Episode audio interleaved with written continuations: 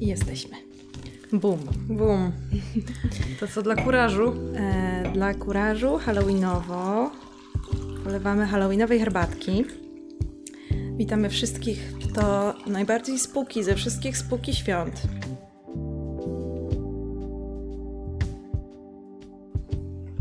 My w ogóle nie wyglądamy spuki. Bo chyba nie o to już trochę chodzi w Halloween, Tak. nie?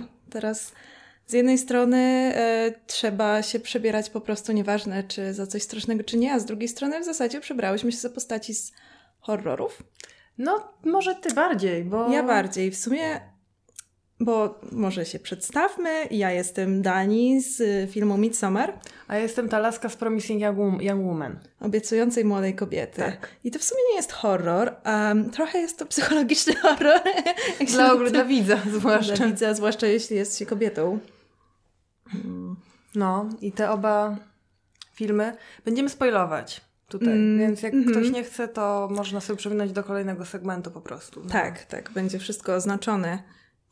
Zresztą to są już tak kultowe filmy, Może chyba można, chociaż nie? takie nowe, że... Mm, mhm. Dobra, y, zast- ostrzegłyśmy, więc y, kolejne Tak. 10 minut czy coś takiego to mogą być spoilery. Y, To są wszystko filmy, e, nieważne czy horrory, czy nie, ważne, że z gatunku e, Good for Hair. Tak nowy gatunek filmów, który się wykreował w ostatnich latach i który jest jednym e, z moich ulubionych, przyznam. No tak, to może, y, czyli film Good, Good for Her to jest w zasadzie ten film, kiedy główna bohaterka wychodzi na swoje wreszcie po tym, jak Mhm. jest udręczona. Czyli to jest takie from zero to hero, ale zero jest byciem, y, ten punkt wyjścia jest po prostu byciem osobą Właśnie raczej from, from zero to villain, bo em, to się nie kończy byciem bohaterką, ani w ogóle nie kończy się dobrze. kończy się zwykle czyjąś okrutną śmiercią. A, I i nie wiem, czy no, dużo osób by się kłóciło, czy, czy główne bohaterki tych filmów są tak naprawdę pozytywnymi bohaterkami. Ja mam wrażenie, że to jest ta, właśnie to, co jest i w Midsommar, i w obiecującej młod- młodej kobiecie. To jest trochę, trochę trawestacja tego takiego pierwotnego tropu, który był. Mhm, Czyli, że- trawestacja. Mm. Tak, Wła- właśnie, właśnie ona, Kasia. Okej, słuchajcie, nowy drinking game dla wszystkich słuchaczy. Za każdym razem, kiedy Marta powie mądre słowo, musicie pić szota. Bardzo mi przykro, nie ja wymyśliłam te zasady. W zasadzie to ja wymyśliłam te W zasadzie ta zasada była od początku świata. Tak, ale kontynuuj, trawestacja. Trawestacja oryginalnego e, motywu, czyli e, takiego, w którym faktycznie bohaterka wychodzi na swoje. Tak jak, nie wiem, e, w Matyldzie, w sensie w filmie dla dzieci Matylda, w której ta dr- udręczona dziewczynka przez, z okropnymi rodzicami w końcu jakby nagle ma e, nową super mamę w super domu i wszyscy, e, wszyscy villains odchodzą. Hmm, właśnie otworzyłaś w moim mózgu szufladkę z filmem Matylda. Chciałam się przebrać za Matyldę, ale powiedzieliśmy, że to będzie mało spektakularne. No, no, no, no może... jestem już trochę dorosła chyba. Chyba tak. Tak, bo przez, przez jakiś czas byłam przekonana, że Matylda mi się przyśniła. To był taki dziwny film dla dzieci, ale do filmów dla dzieci może jeszcze przejdziemy. My- Skupmy się na tym gatunku. Czym on się różni? Myślę, że warto zaznaczyć, trzeba zaznaczyć, czym on się różni od revenge movies. Bo jest też taki gatunek slasherów, w którym bohaterka, też udręczona, mści się na swoich oprawcach w bardzo krwawy sposób zwykle. Z tym, że ten rodzaj udrę... Myślę, że różnica między tymi gatunkami jest różnicą między female gaze a male gaze, bo w tych slasherach, e, z, takich typowych filmach zemsty, to udręczenie bohaterki zwykle polega na tym, że została zgwałcona. I to niepotrzebnie brutalny i e, szczegółowy sposób pokaz- pokazane jest to na filmie, co jest trochę jakby fetyszyzowaniem przemocy wobec kobiet, moim zdaniem. To, jak zwykle jest ona pokazana. Mm, Jest zresztą taki film, który nazywa się Cenzor i jest horrorem o lasce, której pracą jest oglądanie horrorów, bo żyje w Wielkiej Brytanii w czasie, kiedy była wielka panika moralna, chyba w latach 60., że horrory sprawiają, że nastolatki się mordują nawzajem. E, I ona ogląda te wszystkie filmy i od tej przemocy wobec kobiet, która tam jest pokazana, trochę jej zaczyna ryć mózg. No w każdym razie w Good for Her movies ta przemoc jest bardziej psychiczna. No w takim filmie typu um, Invisible Man to też jest fizyczna, ale jest po prostu to przemoc w związku tak pokazana z wszystkimi klasycznymi tropami tego, co się dzieje w przemocowych związkach. I, I no tak, to wszystko jest dużo bardziej subtelne, dużo bardziej trafione i ta zemsta zwykle polega na jakimś takim pomyśle, jakimś dużym, e, tak, e, że to wszystkie okoliczności się sprowadzają do jakiegoś rozwiązania, a nie, że po prostu wychodzi z siekierą i wszystkich zabija. Nie wiem, no ja jak myślę o takim właśnie typowym Good for Her, to myślę o filmie, w którym rzeczywiście coś się kończy dobrze, Mhm. Albo na przykład e, laska robi rzeczywiście coś dziwnego, typu wiesz, e, rzuciła chujowego męża, zamieszkała w chacie i gotuje sobie wywar z grzybów i ma siedem kotów. Good for her! A to jest Nigdy w życiu film na przykład. O, to jest, to jest Nigdy w życiu, Good for her movie. To, to jest totalny Good for her movie. że to jest klasyk gatunku. I jeszcze, jeszcze Jan Frycz przyjeżdża, przyjeżdża z tymi różami do scenki, nie? A ona mówi mu, wychodzi taka wyluzowana, nie? I mówi... No dzień dobry, no zapraszam. w tym szlafroczku czarnym. Tak, tak. Tak, to jest Good for Her Movie. Tak, bo ona też była udręczona strasznie na początku przez, przez męża, przez pracodawcę. Przez wszystkich tak no. właściwie. No ale właśnie, yy, a tak naprawdę zobacz, w Midsommar mm. to ja nie wiem, czy ta Dani jest taka sprawcza, nie? Ona po prostu, mm. ta sekt...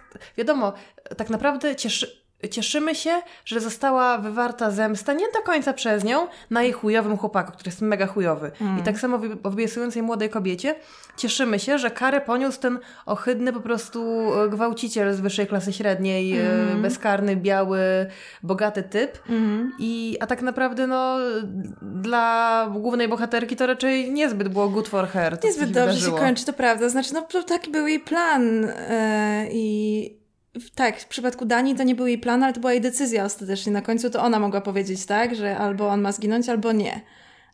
Ale też Good for Her movies nie są po to, żeby analizować, czy bohaterki są moralnie w porządku i czy zachowały się tak, jak dojrzały, odpowiedzialny człowiek zachował nie, się w tej nie. sytuacji. Nie chodzi o to, czy Tylko... się zachowały tak, jak dojrzały, odpowiedzialny ale człowiek. chodzi o satysfakcję na końcu jak, ciebie jako widzki.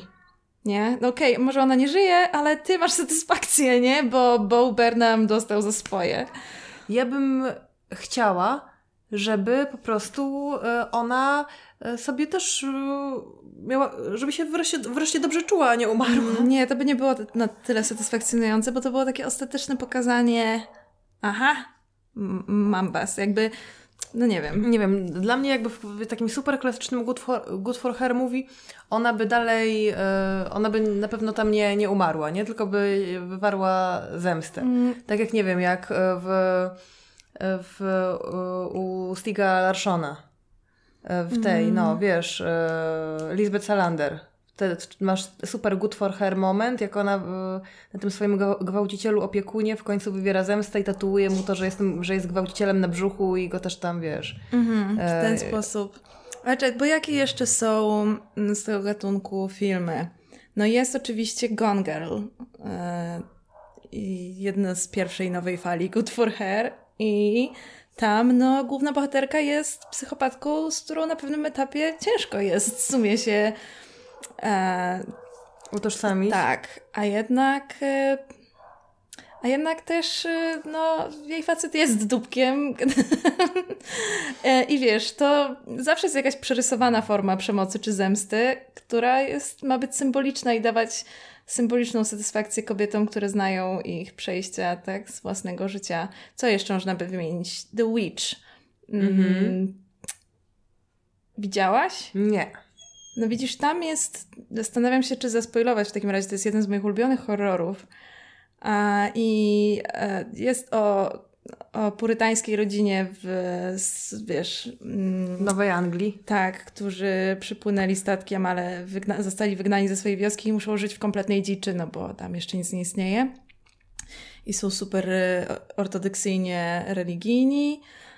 I tam no, głównym motywem jest strach przed wiedźmami, co w ogóle dopiero uświadomiło mi, bo całe życie się zastanawiałam, dlaczego ktokolwiek kiedykolwiek bał się wiedźm. Jakby brzmiał super cool, nie? Zawsze całe moje dzieciństwo dla mnie wiedźmy brzmiały super cool, a atmosfera tego filmu oddała mi jakby to, czego można się było w nich bać.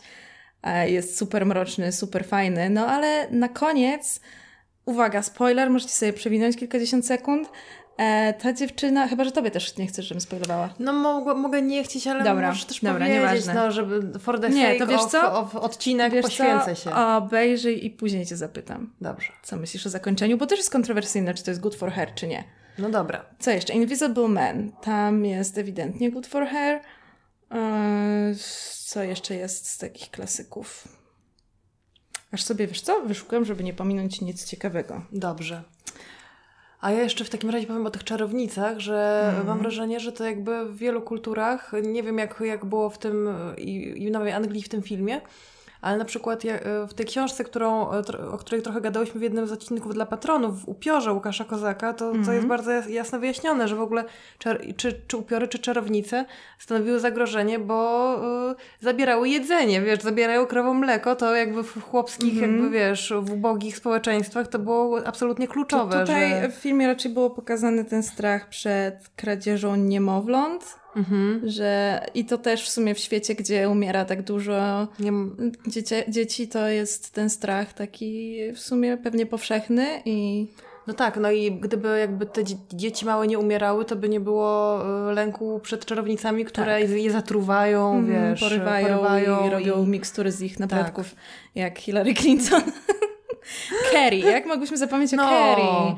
Klasycznie. A, uwielbiam Carrie. Co tam jeszcze Suspiria. A czy widziałaś nową Suspirię? Och, to myślę, że możesz zostać dzisiaj. Obejrzymy. Jest to absolutnie przepiękny film o tancerce. Em, z takich bardziej horrorowych wybieram, wiesz, bo tutaj są jakieś też obyczajówki. Mhm. O, jest Matylda też wymieniona. Mononoke jako good... Ej. Titanic? Ty, nie wiem, według Tyta- kogo Titanic jest for wie, wiem o co chodzi, że tam jest ten że motyw ten for hair, dupek. że ten dupek, nie, że on w końcu mu plu, pluje w gębę. Jest, zobacz, y, jest y, Erin Brokowicz, jest Mhm. Legalna Blondynka. Legalna Blondynka jest super feel good movie. Tak, Feel good kocham. movie, ale też właśnie good for her movie. Totalnie. Że idzie do tej szkoły i ma już w dupie tego typa. Wykreśliłabym Kill Billa z tej listy, bo to jest totalnie male gaze i wszystkie filmy Tarantino są przesiąknięte. Jakby to jest definicja, moim zdaniem, esencja może bardziej male gaze, wszystkie filmy Tarantino. A ja mam z Kill Billem, Billem inaczej, wiesz? Mhm. Tak jak e, ja bardzo lubię go oglądać w takim właśnie feel good e, nastroju, jak jestem, jak potrzebuję się poczuć dobrze, na takiej samej n- zasadzie jak Legalną Blondynkę. Tak? Tak, tak, tak. Ciekawe. Tak u mnie działa. Jest to jedyny film Tarantino, Znaczy, bo- który tak u mnie działa. Wiadomo, że wszystko, co on robi, to jakoś przetwarza przez siebie wszystkie filmy, którymi się nachłonął w młodości, ale moim zdaniem właśnie nakradł z takich tropów Good for Her i przemielił to przez swoje male gaze. Ale okej, poszukajmy jeszcze coś Ale jesteś, może. dzisiaj chyba pobijam, pobijemy rekord anglicyzmów, nie? A, może tak być, może tak być. Myślę, że wszyscy się już przyzwyczaili i odstraszyłyśmy już wszystkich, którym Purystów. to bardzo przeszkadza. Knives Out. Czy oglądałaś Knives Nie. Out? To jest taki kryminał z Danielem Craigiem e, i jest super. Dużo zwrotów akcji fajnych, jest fajne tempo i jest to zdecydowanie good for her. Mówi taki bardzo klasyczny, w sensie jest naprawdę good for her. Uwielbiam. E, I chyba em, Jennifer's Body jest jeszcze wymieniony, i Ex Machina. Nie jestem pewna co do tych dwóch. Mm.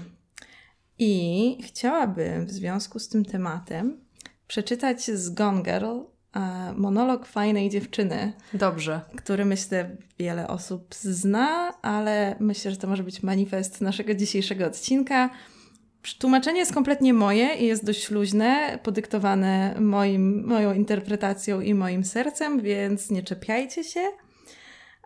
I e, jest to monolog, który wygłasza główna bohaterka filmu Gone Girl i brzmi tak.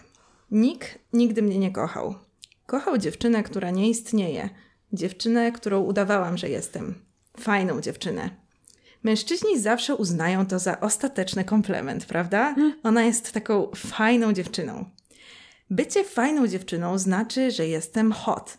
Jestem inteligentną, zabawną laską, która kocha piłkę nożną, pokera i sprośne żarty, gra w gry wideo i zeruje piwo, kocha trójkąty i seks analny i pożera hot dogi, jakby brała udział w kulinarnym gangbangu, jednocześnie mieszcząc się ciągle w rozmiar 34 oczywiście Pewka. ponieważ fajna dziewczyna jest przede wszystkim hot.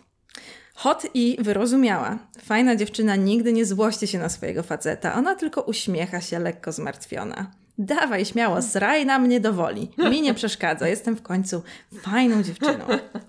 Czekałam długo i cierpliwie, aż wahadło przeważy na drugą stronę, aż mężczyźni zaczną czytać Jane Austen i organizować scrapbooking parties i całować się ze sobą ku naszej uciesze. A wtedy my mogłybyśmy powiedzieć, o, jaki to jest fajny chłopak.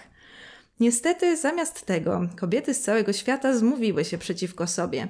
Wkrótce prawie każda była fajną dziewczyną, a jeśli nie była, to coś z nią było nie tak. To bardzo kuszące być fajną dziewczyną. Dla kogoś takiego jak mnie, kto lubi wygrywać, to bardzo kuszące być dziewczyną, której każdy facet chce. Kiedy poznałam Nika, wiedziałam, że go chcę. I dla niego chciałam spróbować. Nie mogłam być fajną dziewczyną dla kogoś innego. On wydobył ze mnie rzeczy, o których istnieniu nie wiedziałam, jakąś lekkość, humor, luz. A on dzięki mnie stał się mądrzejszy, bystrzejszy. Skłoniłam go do wejścia na mój level.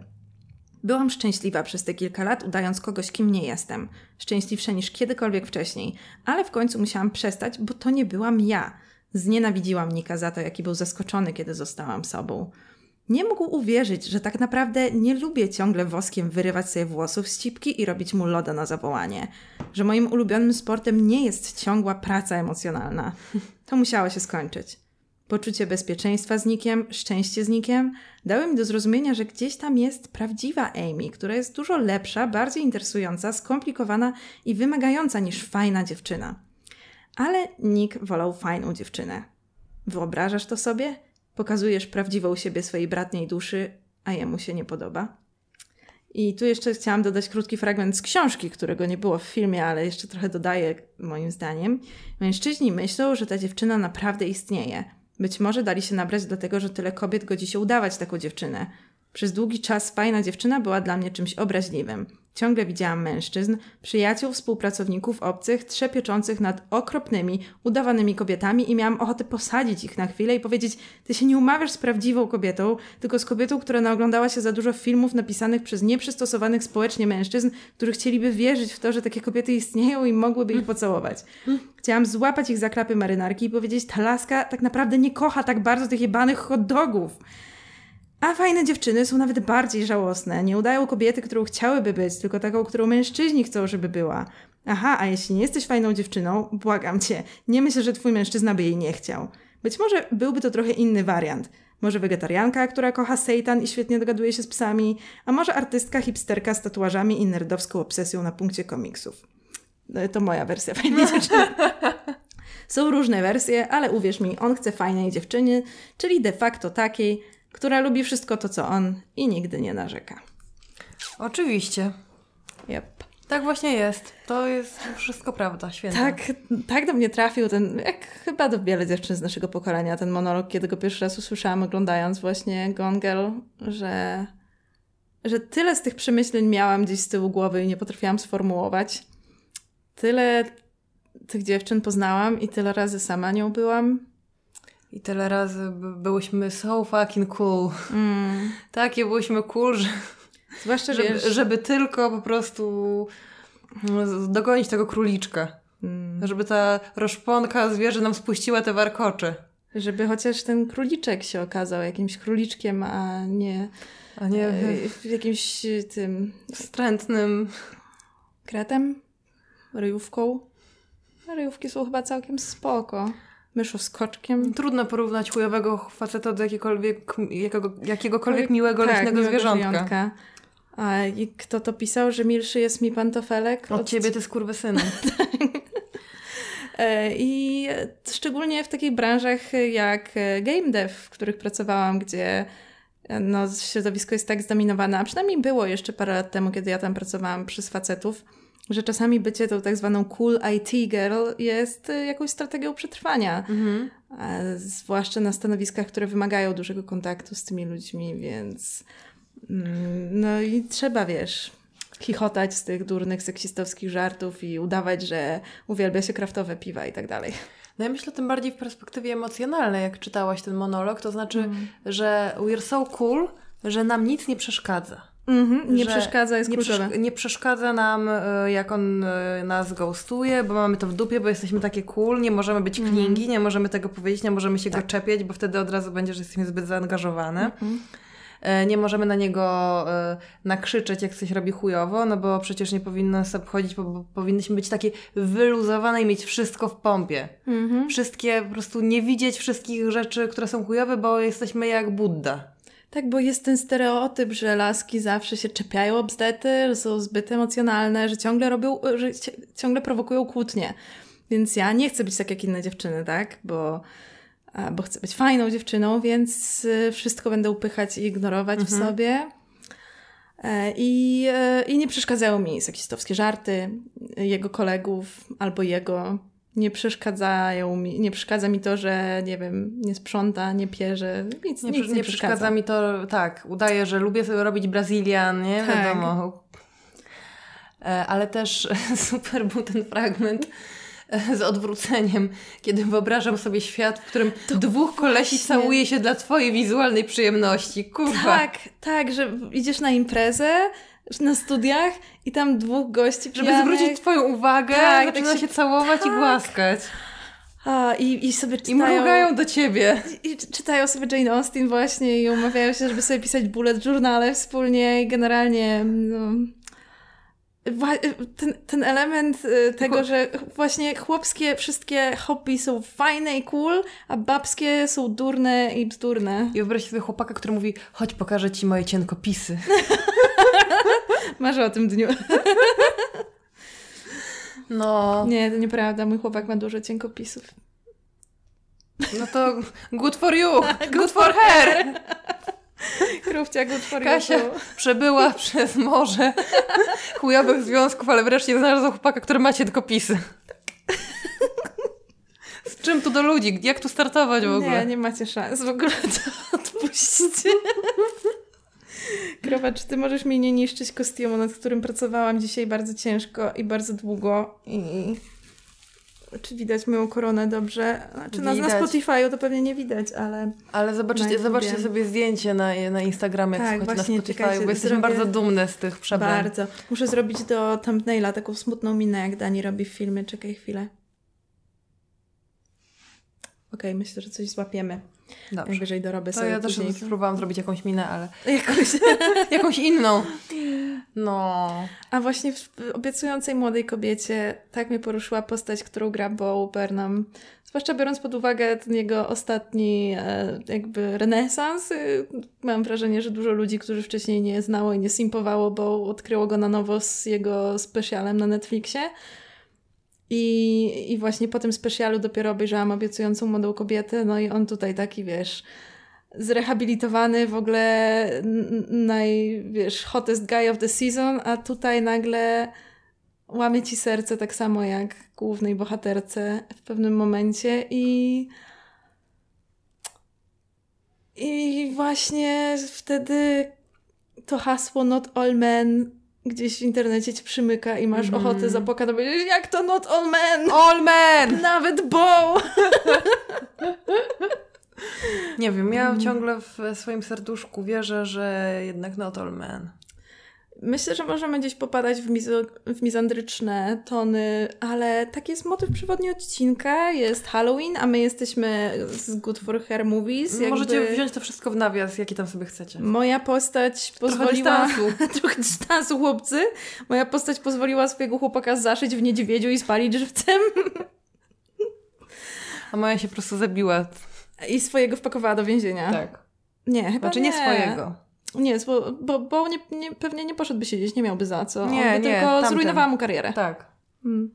No bo na Bow też się zemściła w jakiś sposób, w sensie no specjalnie do niego wysłała SMS-a na koniec, żeby... No ale to tyle, jeśli chodzi o spoilery. E, to... Zapamiętuję, 24 minuta. Tak, dziękujemy Ci. Także ten. A Mhm. odniesiemy się dzisiaj jeszcze, zmieniając już temat kompletnie do tej afery szopenowskiej? Tak, myślę, że należałoby, biorąc pod uwagę, ile poświęciłyśmy e, uwagi tematowi, to Tak. trzeba by pójść z follow-upem, bo... Bo kiedy nagrywałyśmy ostatni odcinek tydzień temu, to w ogóle jeszcze nie było wyników, chciałam Mhm. powiedzieć. Wyniki były dopiero później tej, tej samej nocy. Ja, ja, Marta siedziała ja jak nie na szpilkę. spałam, czekałam na nie. E, ale no więc jakby wyniki znamy, wszystko jakby super, e, bardzo, bardzo dobra decyzja jury, moim skromnym zdaniem, osoby, która zajebiście się zna. E, ale w każdym razie był ten tekst e, na dwutygodniku. Czy chcemy go poczytać w ogóle? Tak. Dobrze. Nie, no tak, bo to jest naprawdę. e, Adam Wideman napisał tekst Mhm. e, pod tytułem Sukienka, którym. e, Za który już dwutygodnik za przepraszał który już drogą. dwutygodnik przepraszał. Inne pisma muzyczne, ruch muzyczny na przykład opublikował oświadczenie, że się nie Tak? zgadza jako najstarsze pismo zajmujące się Mm, no krytyką proszę. muzyczną w Polsce. Wiesz, no była, była sroga inba. To może tak sto- stopniując e, napięcie, zaczniemy od tweeta pana Wichrowskiego, którego. Dobrze. wysyłałaś mi na Messengerze. A, to, to jest koleś, który ma na, e, na Twitterze nick Pan Jan Wichrowski. Więc już macie pewien obraz, jaki to jest człowiek. Mm, Pisał tweeta. E, W ogóle na, na profilowym ma zdjęcie z takim wąsem sarmackim. E, Już po konkursie chopinowskim pozwolę sobie na pozamuzyczną refleksję. U żadnego z uczestników nie dostrzegłem tatuaży, pomalowanych na czarno czy czerwono paznokci, ćwieków w nosie czy uszach, farbowanych na zielono czy różowo włosów. Jakiś inny, cudownie normalny świat. A co akurat te czarne i czerwone paznokcie zrobiły? Nie wiem, ale y, po pierwsze nie mogłeś być może dostrzec jakichś tatuaży, bo ludzie tam byli No. dosyć poubierani jednak. No ale nie dostrzec. Nikt też nie- normalny świat. Nikt nie miał też różowych włosów. Ale to wiesz, to tak jak Ziemkiewicz, który, e, który napisał też tweeta, że w konkursie chopinowskim, że e, w niektórych, e, że, że patrzy na konkurs chopinowski i nie ma tam żadnych trans, bi, Wiesz, homo. On tak, on tak przewrotnie jeszcze zaczął, że ileś tam kobiet, w finale ileś tam Tak. kobiet i ileś mężczyzn. No proszę, a żadnych, tak, nie wiem co I- tam i- wymieniał, Tak, ale... tak, ale właśnie jednocześnie były, były i, i orientacje seksualne, i tożsamości płciowe, Mhm. tak i jakby wszystko. skąd wiesz? Wszystko, wszystko w jednym, tak. Skąd wiesz? Sprawdzałeś to? Pytałeś, Za- pytałeś Amy, czy lubi kobiety? Zaglądałeś im do majtek, No. albo nie wiem, do papierów, jakby chuj cię to obchodzi. A to rozwiązuje w jakiś sposób zagadkę, e, bo przy okazji konkursu Chopinowskiego ubolewałyśmy nad tym, że nie, nie mamy zbyt dużo słuchu muzycznego i nie zostałyśmy sławnymi artystkami, muzyczkami. No i, i ja się właśnie dowiedziałam dlaczego. No. Mm, Ty nie masz żadnej wymówki, Marta, ja bo... nie, ja, ja Kolor paznokci jest Mm. akceptowalny, e, włosy w naturalnym kolorze, tatuaży żadnych nie mam, tatuaży. ćwieków nie mam. Mogę grać. No. Dajcie, do, dajcie mi to facjoli. Dawajcie. Dawać. Zajeżdżę, zajeżdżać mi to z tym fortepianem. Ile kosztuje takie pianino? Dobrze, to czytamy sukienkę. Tak. Chopina, o... a no dobra, to jest nagłówek wybrany, więc czytam po prostu od Dobra. początku. Werdykt jak to werdykt wydaje się dziwaczny, niesłuszny, absurdalny i niesprawiedliwy. Z czasem jednak się do niego przyzwyczajemy, gdy- gdyż jest faktem. Komu się wydaje niesłuszny i dziwaczny? Większość zdecydowana osób i Jemu. komentatorów zgadza się z tym, że Jemu, czyli to głównemu do- do- bohaterowi wszechświata, tak? No dobrze. Nim jednak wysłuchaliśmy werdyktu, czas oczekiwania umilony nam został rozmową. Była to nieskładna wymiana zdań po angielsku, bez tłumaczenia na polski jak to w Polsce, między dwojkiem prowadzącym a tuzinem finalistów. Prowadzący nie bardzo jakby wiedzieli o co pytać, pytali więc o głupstwa typu ulubiony sport, rozrywka. Finaliści zaś okazali się grubą młodych ludzi, co prawda sympatycznych, ale nie mających zgoła nic ciekawego do powiedzenia. Raczej z nikim z nich bym się nie zaprzyjaźnił. Jezu, on jest Jezu! po pierwsze znów główny bohaterze wszechświata, jakby Nikt nie pyta cię, z kim chcesz się zaprzyjaźnić. it's not about you. A poza tym są to ludzie, którzy po prostu po miesiącu grania, czekając na werdykt po finale, siedzą zmęczeni jak osły I, i, I jak sam zauważyłeś, dostają niezbyt ciekawe pytania i mają na nie wykazywać się, jak rozumiem, niesamowitą poza tym mają, oni, oni mają, tam średnie wieku jest co, ze 23 lata wśród tych finalistów była, więc Tak. co oni mają cię tutaj zaskoczyć cy- cytowaniem Kanta o pierwszej w nocy? A gdy Aleksander Gadijew wspominał, że lubi czytać, nie pociągnęło ze sobą pytania, co ostatnio czytał, ani też co czytają inni, jeśli w ogóle coś czytają. Nic nie czytają. Co za głąby w tym konkursie szopenowskim. E, Kamil, e, we- a, wesołe anegdotki dotyczyły wyłącznie spóźnienia się na samoloty oraz tego, że ktoś miał złamaną nogę. Prawie wszyscy złamali sobie kiedyś nogę, a niektórzy też rękę. Okej, to jest dosyć śmieszne zdanie. Kamil Pacholec okazał się nudnym sztywniakiem, na jakiego od początku wyglądał. Jakie to jest niemiłe w ogóle, co Tak. ci zrobił ten biedny Kamil. A, a Leonora Armelini i Aimi Kobayashi, dwiema przyjaciółeczkami wciąż szczepią- szepczącymi sobie coś do uszka. Siedzą dwie dziewczyny i sobie coś... Z zazdrości? Z- za- Zazdrościsz, że dziewczyny mają swoje sekrety? Adam, chciałby się poznać? Nie zapytano ich o poglądy estetyczne, ani tym bardziej polityczne. Kogo to obchodzi? Co to znaczy w ogóle poglądy estetyczne, powiedz mi? No, nie wiem, poglądy na muzykę zapewne estetyczne, ale, Tak? ale chodzi mi o to jeszcze w ogóle, jak mieli ich pytać o politykę? No błagam cię. Jakby pytali ich o politykę, to dopiero by, to dopiero by było. O, wtedy, wtedy to by artykuł wysmażył. Wtedy, o tak. Jezu, mam nadzieję, że tutaj nic nie eksponuję, bo ta sukienka jest potwornie krótka. Jak coś, to będziemy emotki wstawiać na ekran. Wszyscy ci wybitni już przecież muzycy zostali doszczętnie zinfantylizowani. E, przypomniał mi się poprzedni konkurs sprzed 6 lat, gdy po ogłoszeniu werdyktu ukazali się laureaci wyglądający jak kilkoro wychudzonych dzieci. A ty jak wyglądasz? On jest tym białym kolesiem z dreadami. A, Znaczy teraz, teraz już chyba nie ma tych dreadów, ale jakiś okej, czas temu to, miał. to e, faktycznie jest komu oceniać. Mm, dobra, dobra, coś tam dalej. O, teraz poszczególnych uczestników, ponieważ on tam pisze, że o każdym chce powiedzieć coś miłego, więc czytajmy, co miłego powie. Jeśli chodzi o werdykt, wątpliwości nie budzi chyba przede wszystkim Grand Prix, czyli Bruce Liu, lat 24. Jest to istotnie chłopak tygrys, wręcz stworzony do wzięcia szturmem wszystkich światowych estrad, lecz sam dobór repertuaru w trakcie całego konkursu świadczy o tym, że nie jest to muzyk głęboki, raczej potrafiący efektownie zaprezentować utwory mniejszej wagi. I to... Chłopie, ty słuchałeś tych kurwa wariacji? Jak... e, A, on jest taki głęboki, tak? On jest tak taki- głęboki, że Bruce Liu nazwał chłopakiem tygrysem. A co, bo to jest oczywiście, wiesz, niby spoko, nie? Ale wiadomo, że to jest pejoratywne, Tak. nie? Bo w tym całym, y, te wszystkie kurwa azjatyckie Pejoratywne, tygrysy... przede wszystkim stereotypowe w chuj i jakieś, no, płytkie, jak już mówimy o głębokości i No. refleksji. Wow. Jakby koleś naprawdę gra zajebiście i bardzo nowatorsko w różnych momentach, ale najważniejsze, że nie zagrał y, według Adama Widemana najtrudniejszych y, numerów z repertuaru, bo mógł wybrać najtrudniejsze i wtedy byłoby spoko. Napocił się nad sonatą. Na, no, bo to jest też najważniejsze, kto się, kto się jak upocił, nie? Po czym już spokojniutko. sztywniutko po prostu. Sztywniutko. Potem to już było sztywniutko. Bruce O sztywniutko. kurde, jak ja bym chciała jakiegoś takiego chłop, chłopaka osiedlowego, żeby nam komentował konkurs. Tak, tak jak, jak jest ten, e, ten youtuber, e, co e, ten szachista, nie? Jak on się nazywa? Nie Na, na M. E, przypomnę sobie, wpiszę A. wpi- i on tak właśnie komentuje takim potocznym, e, fajnym językiem, opowiada o partiach szachowych słynnych. Jest super. O, cudnie. E, nie Marcello, jakoś tak, wiesz, na my. Sprawdzę to i wpiszę w opisie. Mm. Druga nagroda... O, fuck, co? Dr- Co? Druga nagroda wzbudziła chyba najwięcej kontrowersji, gdyż dostali ją egzekwo dwa intelektualiści niebrani raczej pod uwagę w rankingach, choć mnie osobiście ta nagroda najzupełniej dogadza, pisze intelektualista. Jebać go. Kyohei Sorita, lat 27, to osobnik tłustawy, dzięki czemu wydaje się doskonale osadzony w klawiaturze. Co? Czy W XXI wieku... osobnik tłustawy. W życiu nie czytałam czegoś bardziej obraźliwego. W sensie, czy da się brzydziej powiedzieć na kogoś? Zupełnie nieprowokowany, w sensie, co mu zrobili ci ludzie. Jeszcze mówi, że mu się podobało, że nie ma zastrzeżenia tego werdyktu. Fuck. Bo to jest taka, wiesz co, jeszcze doczytajmy o tym, o Gadzijewie. Yy, yy, Bo to z kolei chudy słoweński myśliciel, jakich znam wielu.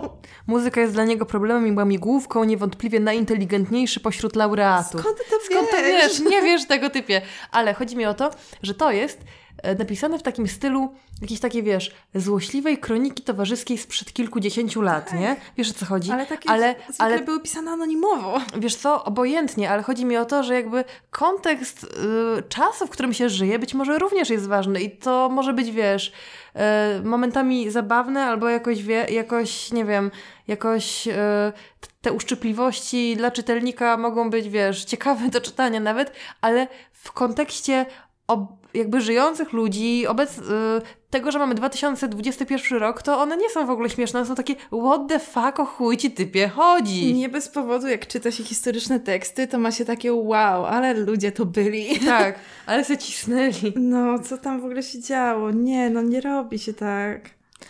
E, o Garcia, Garcia, e, a raczej jak mówią w dwójce, Garcia, Garcia. E, Nie powiem jednak nic dobrego. Jest to właśnie taki ulubieniec publiczności, którego sztuka wykonawcza niepomiernie mnie nudzi. O, dobrze wiedzieć. No, A. tak, tak, tak, tak, tak. Ale być może właśnie Chopin powinien A, być to taki jest, grany. Widzisz, bo to jest pianistyka, która porywa tak zwanego zwykłego słuchacza, gdyż jest porywająca z definicji i tylko porywająca. A pan Adam jest słuchaczem, jak wiemy, niezwykłym. Nie zwykłym, a zdecydowanie. E, Nie znajduje odpowiedzi, wolałbym go już nie usłyszeć. Jakub Kuszlik z Bochni, wyglądający jak abnegat, co przyszedł na ten kurs, konkurs w czarnym t-shircie pożyczonej przyciasnej marynarce o za długich rękawach. Odpierdol się od stroju tego biedaka. Ale jakby on go spytał, czy pożyczył tę marynarkę? Nic nie rozumiem. Nie wiem, Jakub Kuszlik teraz dostał Lexusa jako najwyżej, e, jakby najwyżej sklasyfikowany e, polski zawodnik i uważam, że to jest bardzo fajne, że. Że się dostaje też luksusowe samochody, a nie tylko Szczepan Twardoch. O, oczywiście, dla podcasterów też powinny być. E, Panie Leksusie. Panie ty myślisz, że to on rozdaje? I teraz, I teraz, słuchajcie, bo teraz on obraził Amy. On obraził moją, ma, my girl Amy. Będzie beef. Tak. Osoba skrajnie neurotyczna, wciąż biorąca jakieś pigułki, modląca się do swojego wisiorka, wisiorka w kształcie nutki, występująca w roznegliżowanych, wystawnych kreacjach.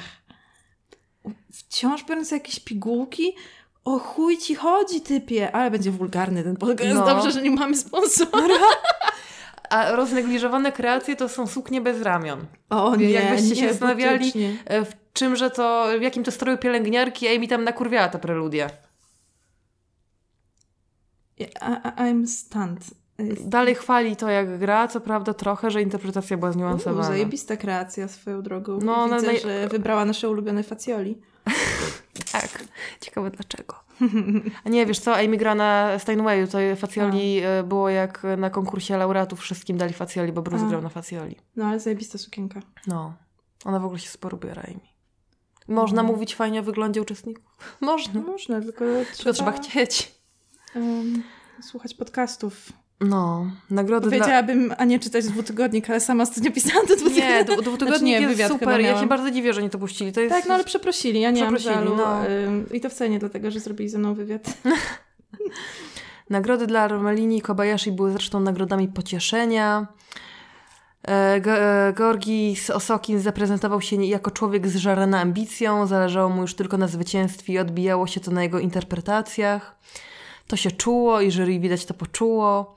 W przypadku Szymona Neringa była to raczej sytuacja upokorzenia przechodzeniem przez wszystkie te etapy, nie traktował ich zbyt poważnie na zasadzie to przecież gram ja, Szymon Nering, w związku z czym jedne interpretacje wychodziły mu świetne, inne tak sobie czy słabo.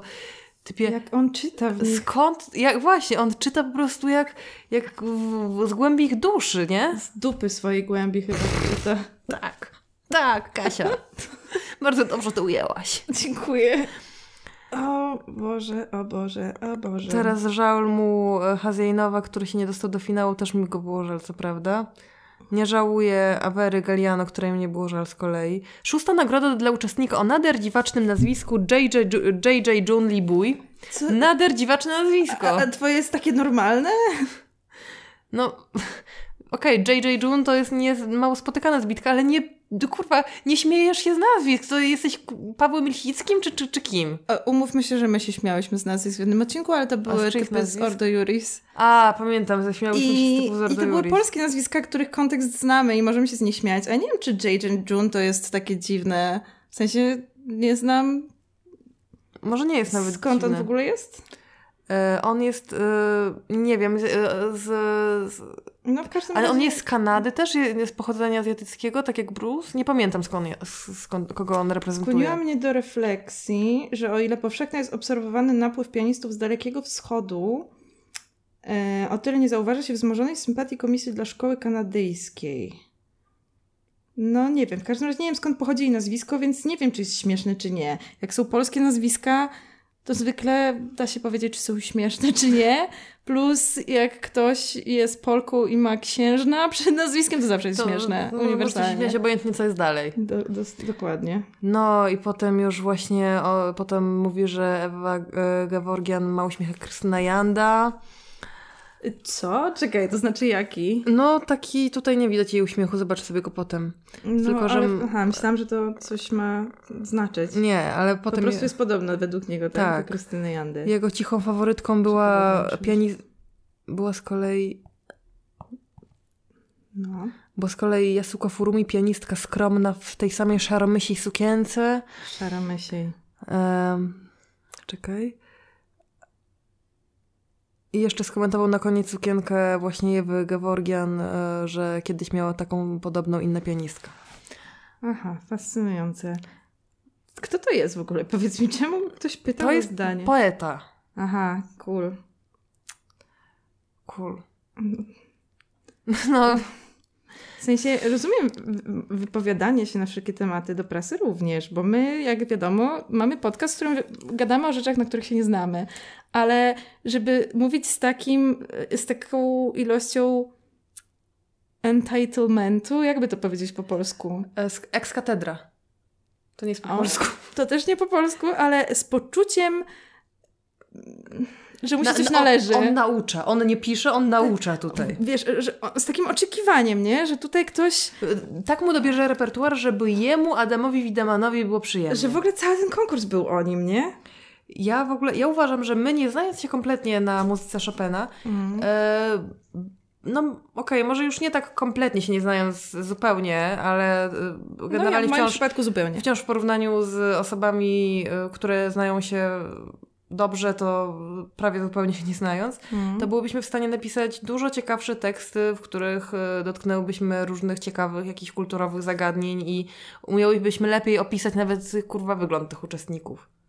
Jakbyśmy się tak, do tego jakbyśmy Może chciały. tak, może nie. Na pewno byśmy ich tak nie naobrażały przy okazji No bo o to zupełnie bez powodu. To mówiąc lepiej, mam na myśli to, że po prostu nie zrobiłybyśmy tego w taki sposób, żeby ludzie otwierali szeroko oczy i myśląc, kurwa, piszesz o kolesiu tłustawy?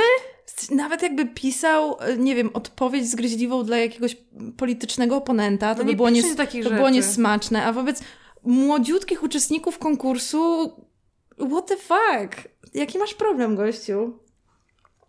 No nie wiem, moim zdaniem on chciał po prostu być vintage'owo złośliwy, a wyszło jak wyszło, Widzisz, bo no, kontekst jest ty, ty znasz, ten. znasz ten, e, ten właśnie kontekst, więc mogłaś przejrzeć jakby chociaż jego intencje.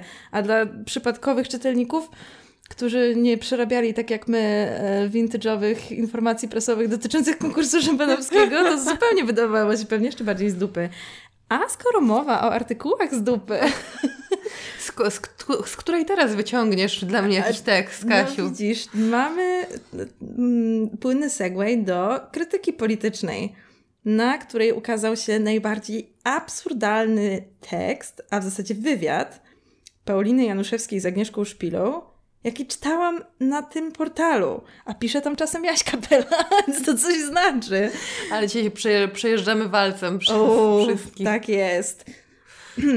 Co uratuje planetę? Upadek wszystkiego, co w erekcji. To tylko tytuł, jakby to może być jakaś zgrabna metafora, jeszcze tego nie wiemy. Dobrze, ja się w takim razie wstrzymuję za ceną. Mm, tak, ja tutaj poszukam. Tu jest najpierw o słusznym gniewie, który wyciągnął Polki na ulicę. Bo generalnie ta Szpila to jest takiego- e, pisarka, która teraz napisała nową książkę i z tej okazji jest ten wywiad, nie? Tak. Tak? Nie mam pojęcia. Trafiłam na to zupełnym przypadkiem. Um. Tu jest na przykład takie. No. Mm, Pierwotnie jednak pomysł na książkę wziął się z obserwacji samej siebie i rozmów z bliskimi mi kobietami, z którymi, jak się okazało, łączy mnie doświadczenie od dawna bardzo intensywne.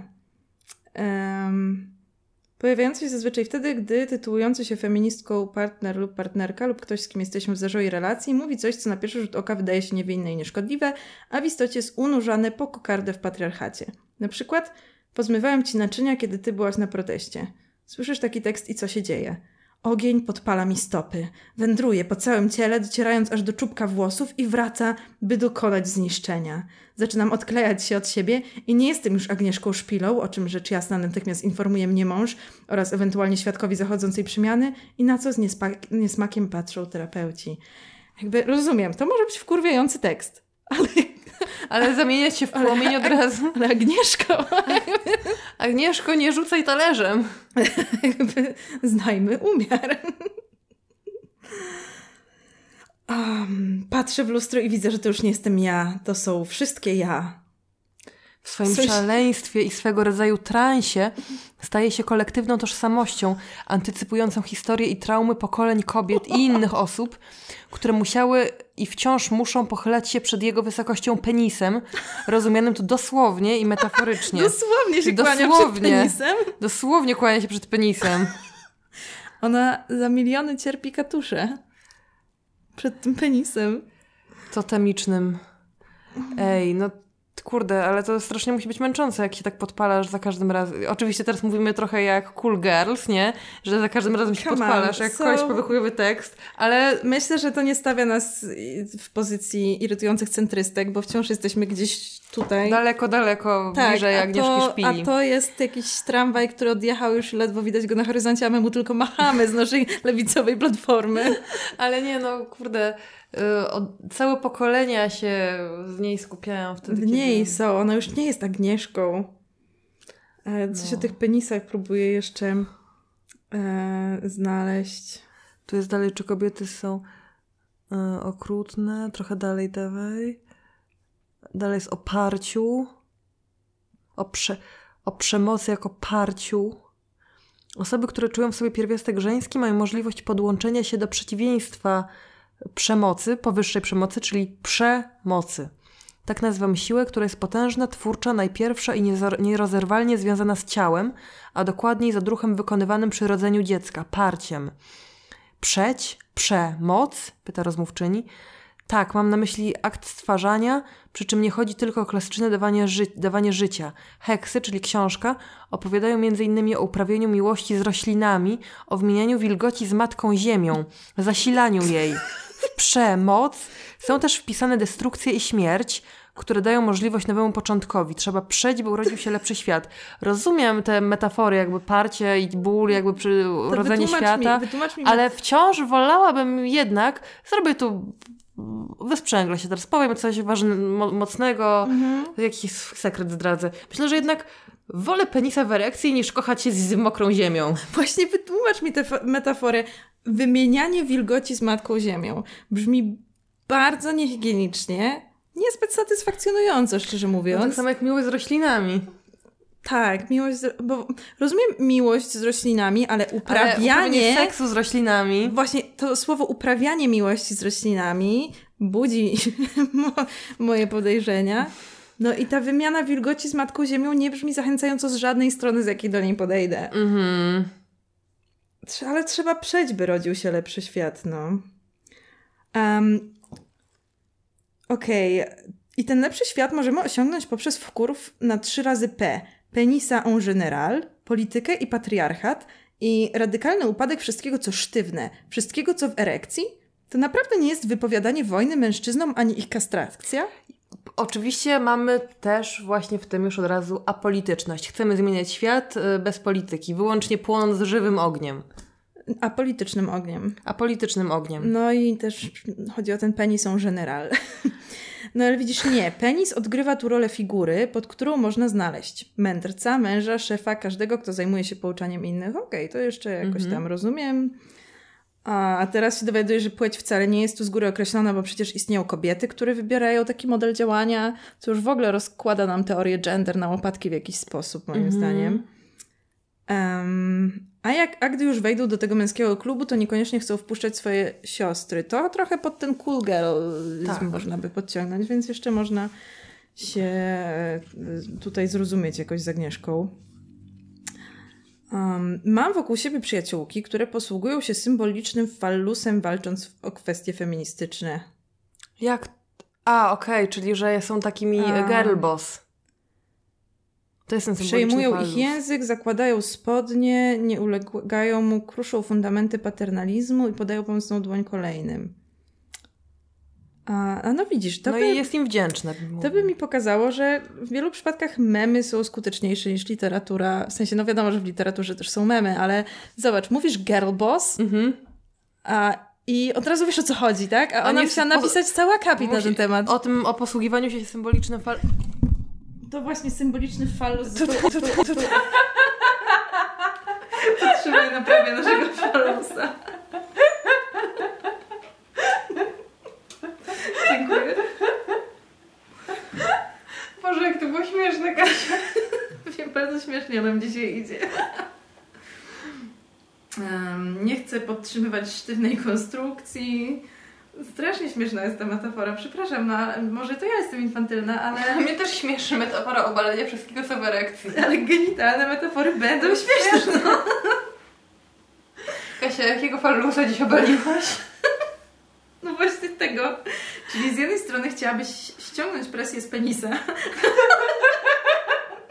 nie wszystkie tego chcemy, czy nie wszystkie do tego dążymy. Właściwie wszyscy nawet, żeby ściągnąć presję z penisa. Wszystkim byłoby się lepiej, gdyby na penisie ciążyła mniejsza presja, mam wrażenie.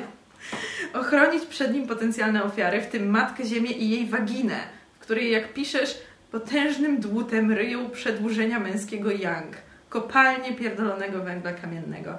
Nie wiem, czy jestem do końca ok z tym, że Ziemię uznaliśmy za, um, za kobiecość, za wszystko, wiesz. Oczywiście, ponieważ jesteśmy wobec niej turbo przemocowi, więc mm. wiadomo, że turbo przemocowi jesteśmy wobec figury żeńskiej, nie?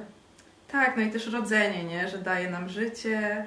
Okej, okay, ale... Mm, no to nie jest wiem, stary, to jest... matka ziemia, wiesz. Wiem, nie? wiem, to, to, to, nie jest. Są we mnie jeszcze skomplikowane emocje, nie wiem jeszcze jak do tego się odnosić do końca. No wiem, że też, nie wiem, e, współczesny ruch e, Wika i Wiedźm i, e, i New Age'u trochę nawiązuje też do tego nowego E, nowej relacji właśnie z Matką Ziemią i do tej kobiecej energii jako symbolizującą ją. No i nie wiem, pewnie da się znaleźć w tym coś wartościowego, ale jestem podejrzliwa zawsze wobec tej metafory. No, myślę, no, do tego jeszcze dojdziemy, nie? Tak. Do tego tematu, bo też mam przemyślenia. Agnieszka odpowiada tutaj. Tak, interesuje mnie penis, który nie jest we wzwodzie i bez przerwy się nie pręży, lecz uczy się płożenia od Matki Ziemi. Chciałabym móc z takim penisem się zaprzyjaźnić. Pytanie, czy ktoś chciałby. Co to jest położenie? Mm, teraz, pije, teraz pijemy tego położenia. nie, bo teraz zapytałaś co to, a nie użyłaś w kontekście, więc... Ale dla niej pijemy. A, dla Agnieszki, dobra. A, szota herbatki. Tak, a wy przed telewizorami? Co już, chce, co już tylko chcecie. Położenie. Sprawdź, co znaczy położenie, bo ja myślę, że takie... Pewnie, żeś tak... Żeś tak kłaść, tak wiesz, płaszczyć. Mm płożenie. Ja myślę, że to jest to, co mm. Płożyć się, płozić się o roślinach, ich pędach, łodygach, rosnąć w kierunku poziomym. No. Czyli to jest penis, który rośnie w kierunku poziomym. Czyli w sumie zależy jak, hmm. jak, jaki to jest jego właściciel. No, no tak. Chciałabym móc się z takim penisem zaprzyjaźnić. Właśnie pytanie, czy ktoś chciałby, żebyś przyjaźniła się z jego penisem, który się płoży, i nie jest we wzwodzie, bo ja przypominam, że penisy nie są odrębnymi bytami też i... Oczywiście penis jest metaforyczny, ale my sobie po prostu robimy jaja, więc możemy to Tak, bo ja od razu widzę Agnieszkę, jak wiesz, tam właśnie... No zaprzyjaźnię się zupełnie do małe żyjątko. Zupełnie, wiesz, dosłownie Głaszcz. klęka przed tym penisem, tak jak wcześniej pisałam, mówi, ej, zaprzyjaźniła się. Głaszczę po główce. O, jesteś taki poziomy. taki, taki miękki. Tak się nie prężysz i nie stwarzasz tak zagrożenia. Leżysz. Bezbronny. Mały. Mm. O Boże. Ale jest w tym coś uroczego. W położącym się na ziemi penisie? Bo ja na przykład, uwaga, minuta... O fuck, audio nam zdechło. Ciekawe kiedy. A pewnie jak się wyłączy, pewnie jak żeśmy obaliły patriarchat. A, no tak. Shit. Teraz... Czekaj, bo jest minuta, a nie wiem, która jest minuta, bo nam audio zdechło. W każdym razie jest to ta minuta, w której Kasia zaczyna mówić o TikToku. E, I jest taki trend wśród młodych kobiet, e, a przynajmniej o tym robią TikToki, że właśnie namawiają swoich mężczyzn, żeby e, pokazali im i dali się pobawić takim zupełnie. Żeby co im pokazali? No, swojego penisa nie we wzwodzie, w stanie spoczynku i żeby generalnie dali no. się im pobawić i tak dalej. I że to jest... I o, ale filmują to na TikToku? Nie filmują tego, tylko mówią o tym, że... że się bawiły? Tak, albo że, że tego chcą, a chłopak na przykład nie chce im pozwolić, albo coś. Bo się wstydzi? Tak. I wiesz, rozumiem to w jakimś stopniu, bo to jest takie okazanie znów nie słabości, tylko vulnerability, czyli odkrycie się takie. Odkrycie miękkiego podbrzusza dosłownie. Tak, właśnie nie, dosłownie. nie prężenie się takie, tylko ale to takie pokazanie się, wiesz, w całości, nie? Oto ja. No ale wiesz, no jakby penis to nie jest zabawka, no. Masz rację, jest tym taka infantylizacja trochę. To tak jakby chłopak cię prosił, żebyś, żebyś mu się pozwoliła, po, załóżmy, że na przykład cycki się inaczej zachowują teoretycznie w czasie seksu, nie? No, Hipotetycznie. I że on cię prosi, żebyś dała mu się po, pobawić swoimi cyckami. Z drugiej strony są też memy na TikToku o tym, że um, kiedy widział na przykład twoje sutki w stanie nie stwardnienia, to też jest jakiś nowy, inny poziom relacji, tak? No może tak. Nie wiem, czy tego nie musimy wyciąć, bo jest trochę za bardzo szczegółowe, jeśli chodzi o seksualne rzeczy. To wytniemy to zobaczę. Zobaczę potem. Dobra. No. Ale tak, że wiesz, że to jest takie okazanie się już bez tej maski, um, którą masz na początku relacji, że zobacz, jestem taka atrakcyjna, taki atrakcyjny. Mam takie twarde małe sutki albo takiego dużego, twardego penisa. Tylko wiesz, czasem okej, okay, jest ciepło, jesteśmy nadzy, jesteśmy rozlaźli i mięscy. No tak, no. Wszyscy, no tak, tak bywa. No przecież jak się kogoś lubi, to w każdym stanie jest fajnie. Tak, no to są tylko śmieszne memy na TikToku, tak? Um, Ale strze- bronią ich, bronią ich e, jak Częstochowy. No, jak tutaj takie Agnieszki czyhają na to, żeby się z nimi zaprzyjaźnić, to... Na tym chyba polega dramat chrześcijan, że muszą cały czas, czas sterczeć. Chrześcijanie muszą sterczeć? Tak. No bo niby jak mają być bliżej Boga, jeśli nie porzucając to, co ziemskie, nie zwracając uwagi, oczu non-stop ku górze. W efekcie nie patrzą pod nogi, więc albo zaliczają glebę i przewracają się na inne ciała, albo trzymają pion, rozdeptując wszystko pod sobą. To nie pozwala żyć w stadzie, a zatem nie pozwoli nam uniknąć, opóźnić ani przetrwać katastrofy. Nic z tego nie rozumiem. Ależ płodna jest ta metafora, a raczej ten. Metafora stania? Ten zestaw metafor, tak, dotyczący erekcji. Nie wiem, ale jestem Cały... tak. To, prze, przez to, że to dotyczy wszystko erekcji, mam ochotę rzucać takie knurskie żarty i robić, wiesz, taką minę, nie? Jak pokazujesz, że niby robisz loda i tak dalej. Cały ten mempleks jest tak obfity. Mm -hmm.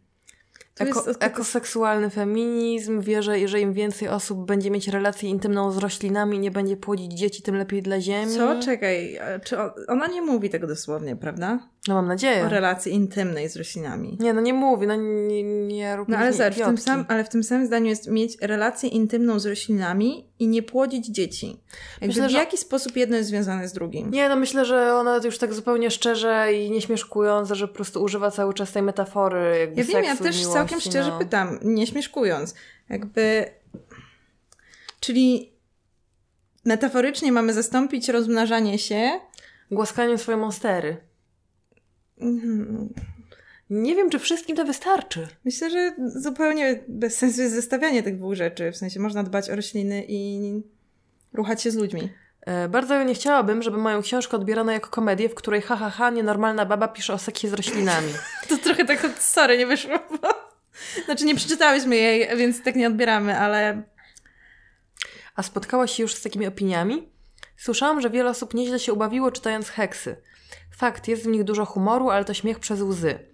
Piszę całkowicie na poważnie o tym, jak nietradycyjnie uprawiać miłość i rozumiem, że to może bawić. Ale kobietobójstwo znieść już trudniej. Wow, wow. Czekaj, czekaj, czyli przechodzimy od płożących penisów i uprawiania seksu z rośliną do kobietobójstwa.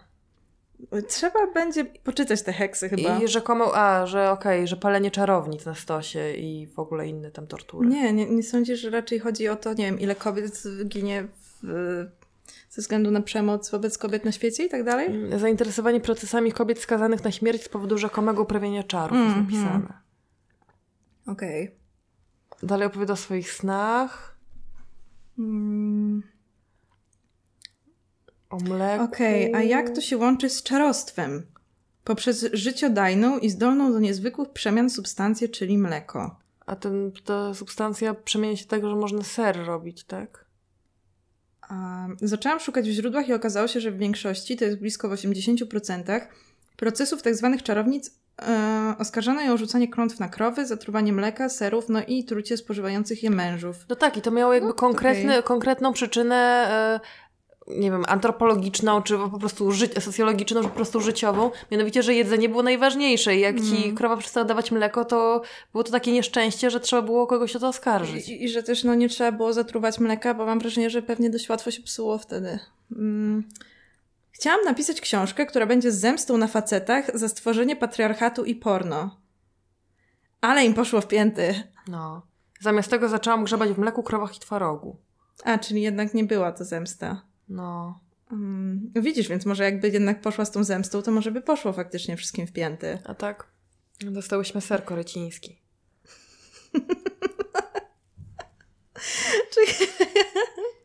Znaczy z twojego żartu się zaśmiałam, ale tutaj znów też coś będzie śmiesznego.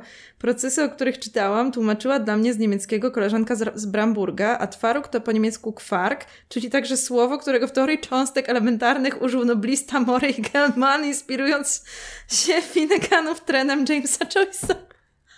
Chyba naładowany ten ser, nie? Faktycznie. Jeśli kwark to podstawowa jednostka materii, to twaróg, który robiły oskarżone o stosowanie czarów kobiety, objawia jedną z najważniejszych tajemnic życia.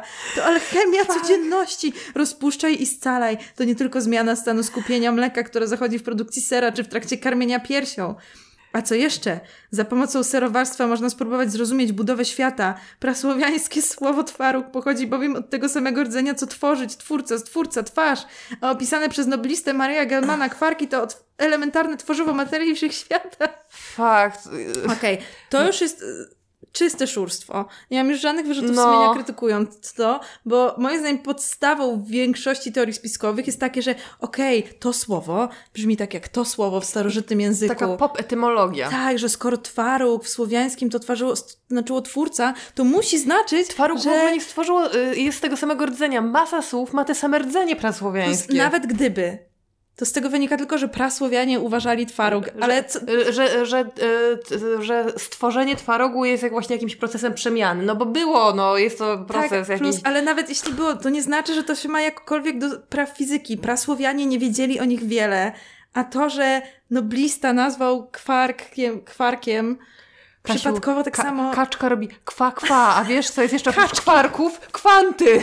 Kwa, Wszechświat, kwarki! wszechświat składa się z kaczek. Kaczki, nasze boginie, wyznajemy kaczki od dzisiaj. Mechanika kaczkowa. To wszystko ma sens w końcu. Odkryłyśmy sens istnienia. Jak do tego wszystkiego dotarłaś? No, Pyta też, dziennikarka. też się dziwię. Myślę, że ona już tak działa jak my, nie? Nie wiedziała co pytać. Tę wiedzę nabyłam ucząc się o zasadzie solve et coagula, czytając na ten temat także w kontekście ezoterycznego tarota, choć wróżbiarstwem się nie zajmuję. Ale temat zobowiązywał mnie także do takich poszukiwań. Zatem kobiety, które robiły twaróg lub znały się na tym, posiadały wiedzę o budowie świata, o strukturze. A ja pokazuję, że znając strukturę, tę najbardziej pierwotną, wynikającą z czegoś tak pierwszego jak twaróg, w którym przejawia się jakaś stara, magiczna zasada, możesz ją zmieniać. Jesteś alchemiczką. Nie, ja nie, nie, ja już Wiesz, jestem co jeszcze mnie wkurza w zgubiona. podobnej narracji, że um, że jest takie szukanie na siłę jakiegoś romantyzmu i wzniosłości w codzienności kobiet w przyszłości. Takich, no nie wiem, jak moja prababcia Mhm. e, zapieprzająca w polu całe życie, okej, robiła twaróg. I nie muszę w tym doszukiwać się e, jej procesu stwarzania wszechświata w ten sposób, żeby docenić to, że po prostu Robiła dobry ser i ciężko pracowała. tak, że, że po prostu karmiła swoją rodzinę, podtrzymywała ją przy życiu i przy okazji siebie i próbowała je wieść jak najlepiej. To jest moim zdaniem wystarczająco wzniosłe i nie muszę do tego dorabiać, że była wielką Alchem, wiesz, alchemiczką świata. tak. tak.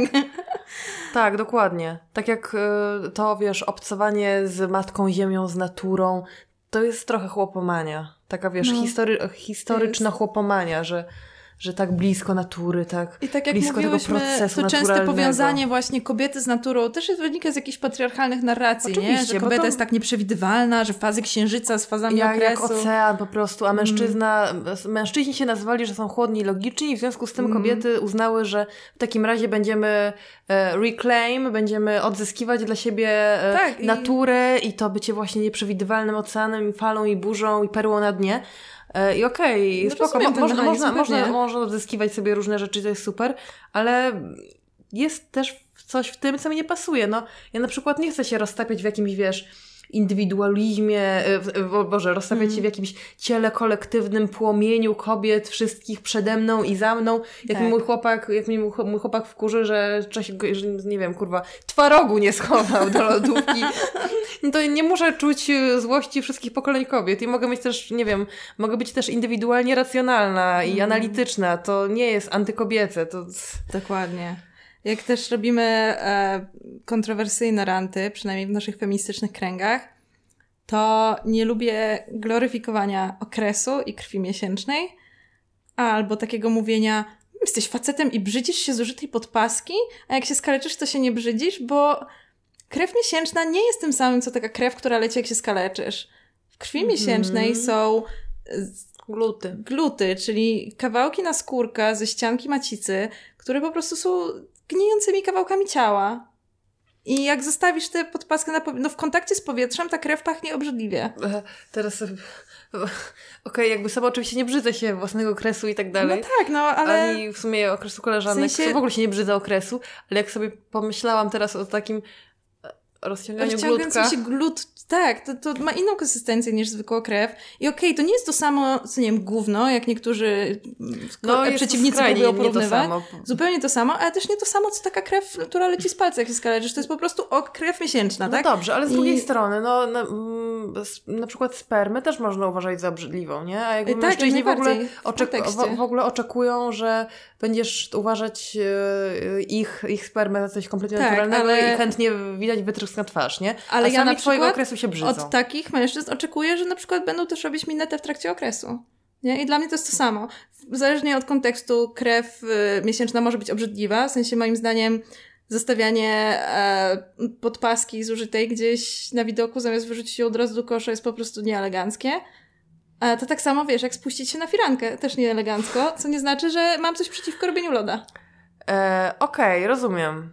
Ja mam zawsze taki strach, znaczy zawsze, czasami mam taki strach, że gdzieś nie zwinęłam podpaski, zostawiłam. Jezu, ja też, to od dzieciństwa. W gościach na przykład, nie? Albo Aha. w łazience, że tata zobaczy. Chociaż no, to, to, to, no ja mieszkając z stało, chłopakiem nie? zawsze mam takie lęki, ale wydaje mi się, że zdarzyło mi się raz albo kilka razy, no i to nic takiego strasznego. Chociaż nie, w sumie... Albo, ale też mi się bałam, że Przed tata ojcem, to nie, zobaczy. przed ojcem to nie miałam stresu w sumie. Tak? Ja się Miałam po, potem, że na przykład u koleżanki, yy, wiesz, tam była, że była rodzina No. i wychodziłam z łazienki i tam brat wchodził i myślałam, czy ja wyrzuciłam tę podpaskę? No, miałam, mam straszną traumę z tym związaną chyba z jakiejś wycieczki szkolnej w gimnazjum, gdzie wiesz, były domki, takie, gdzie się spało grupowo i była łazienka, w której nie było kosza na śmieci. Najgorzej, jak mogą istnieć łazienki, w których nie ma kosza na śmieci? Ja nie mam. I trzeba, już rozmawiałyśmy na ten temat.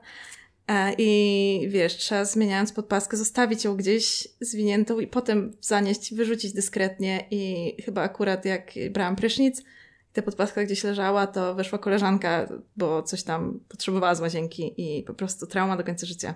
Że koleżanka zobaczyła, że podpaska. Tak.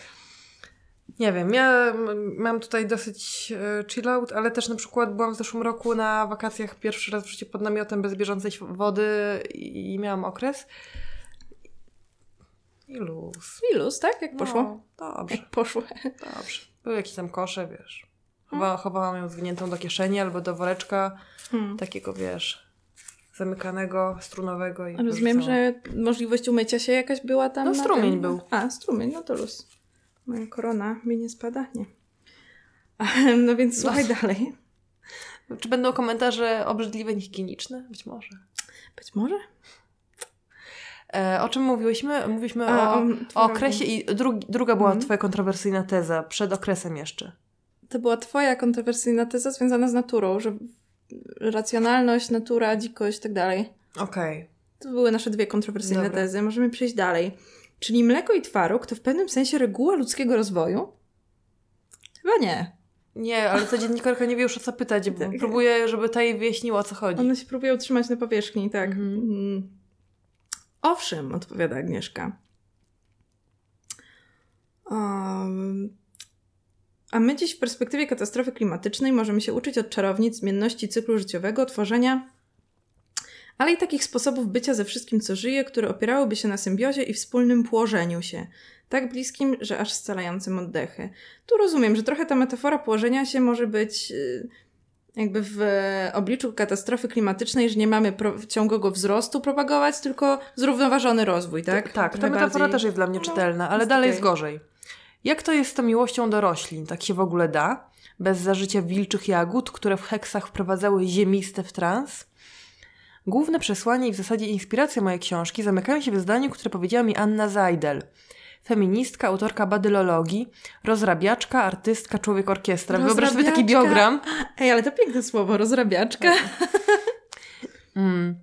Nie musisz, i oto jest to, to zdanie. Nie musisz się masturbować tym, co twarde. I odkryła przede mną cały ekoseksualny świat, opowiadając m.in. o możliwościach kłącza tataraku, o tym, jak gotować żywokost i go zmacerować, żeby nadawał się do relacji intymnej. Okej, czyli to jest naprawdę dosłownie. To jest naprawdę dosłownie o masturbacji. Najbardziej dosłownie, jak się da. No, Że ja się zgadzam, że nie musisz się masturbować tym, co twarde, ale czy musisz roślinami od razu? Nie wiem, czy to jest higieni- higieniczne. Nie wiem, może tak, może to zbadały jakoś, ale, Ale- nie nazwałabym tego wciąż uprawianiem miłości z roślinami. W sensie to jest masturbacja, a to nie jest To seks jest, to jest masturbacja łodygą. No, to nie jest jeszcze Albo seks z roślinami. mchem, skoro nie, musi, nie ma być twarde. Co czułaś, gdy tego słuchałaś? Totalne podniecenie i ciekawość. Okej, nie wiem, czy chcę to wiedzieć. No, jak reagowało jej ciało, bo chyba moje reaguje inaczej. Jesteśmy teraz strasznymi takimi wsteczniarami, nie? Nie podoba nam się. Myślę, że w tym przypadku y, możemy zachować ten gram konserwatyzmu. Nie podoba nam się Akurat. masturbacja mchem. Albo za, Wolimy uczciwy wibrator za, za 200 zł. Znowu zostanę skancelowana, jak ostatnio na Twitterze, za to, że skomentowałam. Relacje wiarę w greckich bogów z mitologii. relację z Ateną i Persefoną. Więc nie wracajmy już do tego dyskursu. Dobrze. Hmm. Osoby ekoseksualne, które w naturze szukają nie tylko orgazmu, ale i bliskiej więzi, traktują ją po prostu jak kochankę. Bardzo mi przykro, ale nie uświadczymy tego w świecie penisów. Nie, czekaj, w świecie penisów nie doświadczymy orgazmu czy bliskiej więzi? Mm, A nie, e- Doświadczymy innych faktur, dotyku, kształtów. Przy czym podkreślam, nie chodzi o to, by używać korzeni. Bo to zakłada, czyli łodygi też nie można, bo to zakłada cały czas współżycie oparte na substytucie członka. Jezu, co ona ma z tymi... Okej, bo można je lub... Nie wiem, ona... Co jest złego w lubieniu kutasa? No, ta metafora. Bo to jest, robi złą metaforę. Widzisz, Poczek- uprawiając seks musisz dbać o metaforę. Poczekaj, ale czy e, skoro nie lubisz patriarchatu, to już nie możesz lubić seksu typu PIV na przykład? To jest, Ale- wiesz, to jest feminizm tego rodzaju. Masturbuj się mchem, byle nie po prostu uprawiaj seks z, z, z Ale partnerem, który ma penisa. jest tyle wibratorów, które nie opierają się na byciu podobnym do Że penisa. nie musisz tego robić... Nie musisz e, tego robić z mchem. No. Ale może chcę. No Jezu, no tak, ja nikomu nie bronię masturbacji Good for her, tak? Tylko- To jest... Tylko jakby mm, zirytowało mnie to zabranianie innych. W sensie nie zabranianie, ale uważanie... Pouczanie. Pouczanie, no. Ale pamiętajmy, motyw przewodni odcinka. Good for her. Good for her. Good for you, Aga. ta- Take that moss. Więcej kutasów dla nas. Mm. Więc tak, e, trzeba szukać w naturze kochanki. Mm. Czy jestem bardzo penisocentryczna w tym podcaście? Mam takie Ten, wrażenie. czy ten podcast jest penisocentryczny? Czy towarzyszy mi ten fallus cały czas w głowie? Wiesz, nawet tutaj stawiając się w opozycji tego penisa, stawia się go ciągle w centrum w tym dyskursie, więc to nie my zaczęłyśmy. Tak bronię go. To... Nie wiem. Dobra, zostawmy go. Mm, Tu jest krytyka porno. Widać to szczególnie w przypadku mężczyzn, którzy podczas masturbacji dokonują samogwałtu, a nie przeżywają samomiłość. Czy możemy odrzucić oba te wyrażenia, jeśli chodzi o No. masturbację? Bardzo bym chciała. I samomiłość, i samogwałt są okropne, samogwałt dużo gorzej. Bardzo się cieszyłam, że wyszedł z użycia, bo pamiętam jeszcze, jak używała go w Bravo Girl na przykład i nie miałam pojęcia, co to znaczy i byłam bardzo ciekawa, o co kurwa chodzi z tym I brzmiało samogwałtem. dziwnie, nie? I zawsze było owiane jakąś taką tajemnicz... wiesz, otoczką tajemniczości. A, więc nie. Ani samogwałt, ani samomiłość. Myślisz, że na transparenty takie hasło były dobre? Może napiszemy po prostu masturbację. O, Napiszmy to no i- słowo, które jest okej. No i pięknie. Um, Tutaj jest też krytyka feministycznego porno, że w ogóle nie działa. Analiza tych filmów skłoniła mnie do dość gorzkiej refleksji, że podnieca mnie coś, co jest po prostu klisze. Miałam poczucie niesmaku. Wkurwiało mnie wręcz, że ja i moja wagina reagujemy na dość prymitywny, przewidywalny i nierzadko podszyty przemocowymi praktykami rodzaj erotyki i nie mam tu na myśli BDSM. Ciało nadal jest używane, tylko, tyle tylko, że przez kobiety, a propos porno jakiegoś pewnie e, dziewczyńskiego, nie? No ale tak działa, tak działa biologia, no że podniecają nas rzeczy proste i mniej więcej te same. No. Nie wiem, czy jesteśmy w stanie jako istoty ludzkie oddzielić do końca wstyd od seksualności. Zawsze są gdzieś tam na pograniczu, a, do, już, a najbardziej mnie to rozbawiło. Miałam poczucie niesmaku jakby potrzeba, żeby twój seks czy twoje potrzeby seksualne były wysmakowane, jest toksyczna trochę Żeby zdaniem. odpowiadały twoim intelektualnym przemyśleniom. Aha, I estetyce twojej też. Że właśnie ekologizm, mm. ekologizm użyłam słowa jak po prostu taki Rafał Ziemkiewicz, że ekologia to masturbuj się mchem, żeby nie była twarda, bo to jest patry... nie Oj, głęboko tutaj kopiemy w dziurę w tej Bardzo. matce ziemi, Kasia. Bardzo. O. E, obawiam się, że chodzenie na marsze z hasłem wypierdalać jeszcze nie jest szałem. E, a co jest? Radykalna antymieszczańskość i przełączenie się z rozumu do waginy. Strajki kobiet wydawały się mocną, ale szybko skisłą energią. Wszystko, co zadziało się na ulicach, nastąpiło w wyniku mieszczących się w jakichś ramach społecznych normy reakcji na strategię wroga. Żądam wykrzesania w kobiecej tożsamości pierwiastka bachanckiego. Żeby to osiągnąć, należy wpierw... Przepraszam. Należy wpierw spustoszyć się z tego, co mam. Ja, Agnieszka Szpila, matka trzech córek, w tym dwóch z niepełnosprawnością jednej neurotypowej, toż to wszystko gęba, a są tacy, którzy chcą mnie w tej gębie przytrzymać. I dalej to... Czy możemy się zatrzymać na chwilę na... Mm, na tym... tożsamości typu bachanckiego? Ja bym powiedziała, że raczej na e, sięganiu nie do mózgu, tylko do waginy, tak, na Mo... przełączaniu się z rozumu do waginy. Sama się nie przełączyła, jak jej wagina zaczęła reagować na porno. Sorry, wróciła mm. do mózgu, że to nie jest wysmakowane dla niej. Nie wiem, czy wiele bym znalazła jakby waginie inspiracji. Wartości, jakbym się przyłączyła na waginę. No zaczęłabym myśleć waginą jak mężczyźni kutasem, jak to się mówi popularnie, nie? I nie wiem, czy to byłoby dla mnie z korzyścią i dla ludzi mi bliskich. Widzisz, ona się strasznie rozpływa na tą ideą jakiegoś skutecznego i radykalnego społecznego wkurwu, nigdzie nie podając konkretnego przykładu, jak ten wkurw miałby wyglądać. Ale w sensie... oczywiście zarzucając y, temu, co było, co się zadziało, że jest niewystarczające i miałkie mm. i skisłe. Tak, więc zastanawiam się, co? Miałybyśmy się rzucić z kamieniami na, na Sejm, czy... Nie podaję żadnych Miał, mamy, mamy Nie, podaję, zobacz. Mamy być płomieniem. A, Chcę bardzo. być płomieniem, a nie siarkowaną główką zapałki, którą ktoś potrze albo nie. To ja jestem patologicznym płomieniem, świecą płonącą jednocześnie z dwóch stron. I am the danger, cytując Waltera z Breaking Bad. Bardzo feministycznego serialu. E, czy ty też robisz swój Breaking Bad, tak? Ale... Biedna jest dziennikarka, no, naprawdę. Łapie się czego może. Tak, ale w znaczeniu seksu, obyczajowości łóżka. Zrywam baldachimy przyzwoitości. Mówię, że to, co smrodliwe, bo starzejące się i rozkładające ma takie samo prawo istnienia, jak to, co pączkujące, perfekcyjnie czyste i młode. No okej. Okay. Chodzi mi tylko głównie o to, by ponosić śmiertelne ryzyko wyrzekania się swojej tożsamości. To, co robię z składaniem hołdu szaleństwu. Nie podejrzewałabym cię o to, ale rozumiem ów metaforyczny wydźwięk. Mm, rozumiesz. My też rozumiemy całkowicie. Ja na szczęście urodziłam córki, nie synów. I im pozostanę lojalne i wierne, bo mam w sobie podobnie jak one drobinki z popiołu spalonych na stosach kobiet. Oczywiście. A słuchaj, a to jest już po prostu bardziej intelektualna wersja tych memów We are the daughters of the witches. They didn't burn. Co mnie zawsze tak śmieszy, bo wyobrażam sobie właśnie te laski, które mówią, o, jesteśmy potomkiniami wiedźm, których nie udało wam się spalić, a potem wyobrażam sobie, że ich babcie w tych ich pokojach całych powieszanych krzyżami, ojcem ryzykiem i marykami i to są te babcie, których, te czarownice, których nie zdołali spalić.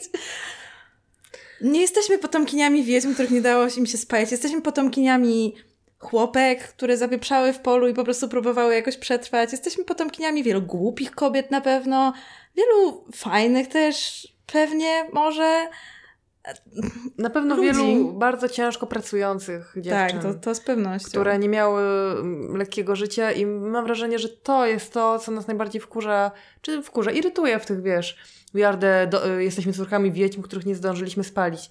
To jest Wnuczkami, tak. wnuczkami, prawnuczkami, nie, nie, potomkiniami. Że to jest też właśnie takie straszne jakieś romantycyzowanie własnej przeszłości. Może, że możesz sobie, wiesz... w dużym, w grubym zarysie ktoś może sobie powiesić fejkowy, wiesz, fejkowe jelenie rogi i herb na ścianie, a żeby, przyzn- żeby było, że on nie jest ta- potomkiem takich zwykłych ludzi, a ty jesteś potomkinią wiedźmy, których nie, której nie zdołano spalić. Nawet metaforyczną. Nie, jesteś po, po, po prostu po, potomkinią pewnie zwykłej chłopki, która dostawała batem przez plecy, gwałcił ją pan i, i zapierdalała i umarła w 28 wiośnie życia. I może to jest dużo ciekawsze od wyimaginowanej wiedźmy z, jakiś, pop- z jakiegoś popkulturowego mema. Czy rozumiem e, moc tego mema palenia czarownic jako i tego, że właśnie czarownica stała się feministyczną figurą teraz, bo no, przemawia do wyobraźni Kościół katolicki palący kobiety za to, że wiesz, e, no głównie za to, że się boją, że uprawiają seks, nie? Czy coś. No, Ale, Mhm. mm, Powiedz. Ale to jest takie małe w skali wydarzenie na świecie, nie? Chyba nie, nie spłynęło też tyle tych. Nie wiem, ile, jak, jak to wyglądało. Też nie wiem, może nie chcę pojęcia. gadać bzdur. Ale wiesz co? i Kiedyś mówiłyśmy o tym, ale to jakoś e, zrobiło nam się zbyt mrocznie i to nie weszło w końcu do podcastu. Mhm. Jest wspaniały spektakl e, reżyserii Wiktoria Rubina na podstawie tekstu Jolanty Janiczak e, i tak nikt mi nie uwierzy, właśnie ostatniej spalonej w Polsce czarownicy. Mhm. To jest w teatrze w Gnieźnie, w imieniu Fredry. Jak ktoś tam mieszka albo coś tam, albo chce tam iść, to naprawdę laski to jest zajebisty spektakl. O. I to jest właśnie e, no, o tej ostatniej spalonej czarownicy, która nie rzuca czarów oczywiście i tam jest cały konglomerat, wiesz, ucisz, e, jakiś... E, ona jest też, ma taką dosyć nieposkromioną seksualność, która oczywiście też jest indukowana przez jakieś wykorzystania i molestowanie i jest to bardzo ciężki, bardzo mocny i zajebisty spektakl. I yy, chciałam go polecić a propos segmentu Nasi znajomi, których rzeczy polecamy. Dokładnie. A Agnieszka chciałaby, żebyśmy wciągały spopielałe kości naszych przodkiń nosem jak koks. Co ty na to? No, nie wiem, no. Nie chcę, chyba nie chcę po prostu. Chyba musimy na tym. y, Robimy się strasznie, za bardzo złośliwe trochę. Myślę, że musimy dać sobie chwilę i odpocząć na chwilę od wynurzeń Agnieszki, bo Boże, Kasia, co myśmy przeczytały, bo nie wiem, czy nie, nie byłyśmy teraz takimi właśnie jakimiś okropnymi osobami, które się nabijają z innej kobiety. przed chwilą miałam tę refleksję, ale zobacz, jak bezlitośnie nabijamy się z mężczyzn w tym podcaście, Mhm. z Nowickiego chociażby. I strasznie nie lubię, jak wiesz, zawsze jest taki typ, który przychodzi w internecie Dlaczego i mówi... dziewczyny nie mogą żyć w zgodzie? Dokładnie, to jest wariant tego, takie, że o, myślałam, że kobiety miały, mają wspierać kobiety, no to niezłe z was feministki. Jakby feminizm nie polega na tym, że kobiety mają jeden umysł, matkę i we wszystkim się zgadzają, I a musisz głosować na Hillary Clinton, obojętnie co, A jak albo Henrykę Bochniarz, choćby gówno z nieba leciało. jak, a, a, a jak się nie zgadzają, to nie mogą o tym mówić, bo się nie wspierają wtedy. Wspieramy się w tych rzeczach, w których, w których to jest ważne i mamy wspólny front, tak? Tak, kiedy mężczyzna krytykuje innego mężczyznę, nikt nie odbiera tego w kategoriach, jak możecie mężczyźni nie Właśnie. być solidarni ze sobą nawzajem, Tak. gdzie wasza męska moc, gdzie wasz wewnętrzny Leonidas, kurwa. Podobno ta męska przyjaźń jest taka najsilniejsza. Nie, po prostu wynika to z tego- solidarność yonder. Wynika to z tego, że kobiety są traktowane dalej przez wiele osób jako subgatunek człowieka. Mhm. Kiedy mężczyzna skarża innego mężczyznę coś, to po prostu jedna osoba, jeden człowiek ma coś Tak. do innej osoby, innego człowieka. Nie są postrzegani przez pryzmat płci po prostu. No. Ja dziękuję, że to tak ładnie wyjaśniłaś, Marta. Bardzo cię proszę. Do usług. No dobrze, to myślę, że skoro sobie to wyjaśniłyśmy, to możemy śmiało przejść do srania na inną kobietę. Na kogo będziemy srały tym razem? E, pani Bożena Dykiel. Jak już mówimy swoją drogą ośmianie się z nazwisk, Jezu, to, ale mamy tutaj sranie, erekcję, miesiączkę. to będzie ciężki E, odcinek. To będzie odcinek o płynach chyba fizjologicznych. Myślę, że nie będzie zbyt monetyzowalny. No więc Bożenie Dykiel rzuciło się na Dykiel. Troszkę. W ostatnim odcinku Dzień Dobry TVN, tak konkretnie. Um, w którym nie zabrakło wypowiedzi na temat obecnej sytuacji panującej na świecie. E, słyszeliśmy już mnóstwo mniej lub bardziej trafnych spostrzeżeń na temat pandemii koronawirusa. Obecnie nie szukują nawet już to najbardziej skrajne. Um, w Dzień Dobry TVN na żywo usłyszeliśmy, jak Bożena Dykiel opowiada o wielkim międzynarodowym spisku, jakim jest pandemia koronawirusa. E, jeśli dobrze pamiętam, to ona tam mówiła, że jest to światowy spisek, który ma na celu to, żebyśmy nie wychodzili z domu i mniej się ruszali, ponieważ, uwaga, to jest e, sposób na depresję główny. A, i potem pokazała te okulary na depresję, tak? Tak, tak. E, sam moment, co ona tu powiedziała konkretnie? A, um, depresja bierze się w dużej mierze z niedoboru litu, czyli swoją drogą pierwiastka, który w nadmiarze jest niezwykle szkodliwy dla człowieka. Wspomniała również o tym, że podstawą jest wysiłek fizyczny oraz nie wpatrywanie się w ekrany telewizorów czy telefonów. Phone's bad. Od komputera się psują oczy. przestań, przestań grać w ten komputer. Na sam koniec zaprezentowała magiczne okulary, które wydzielają lit. Dzięki nim Bożena Dykiel cieszy się dobrym samopoczuciem. Wow, to może Good mi... for her! Good for her! Motyw przewodni odcinka. Good for her, tylko nie gadają o tym w telewizorze. To straszne, że też nikt z prowadzących jej nie skontrował, ale chyba nie pozwala im na to formuła programu. Ale nie też wiem. usunęli to, wie, wiesz, no tak. bardzo szybko, nie? I odcięli się od od tej y ciekawej teorii? To, to nasuwa mi pewną teorię na temat jednej z nierozwiązanych zagadek, którą być może znają fani gatunku true crime. Mhm. A, historia działa się w Brazylii, chyba w latach 60. i dwóch mężczyzn znaleziono martwych na wzgórzu z takimi ołowianymi okularami jakby na oczach i z taką rozpiską E, na której tam właśnie było napisane, że o tej o tej godzinie nałożyć okulary, o tej o tej godzinie mm, nastąpi jakieś tam przejęcie czy coś, wierzyli chyba, że UFO ich zabierze z tego wzgórza czy coś.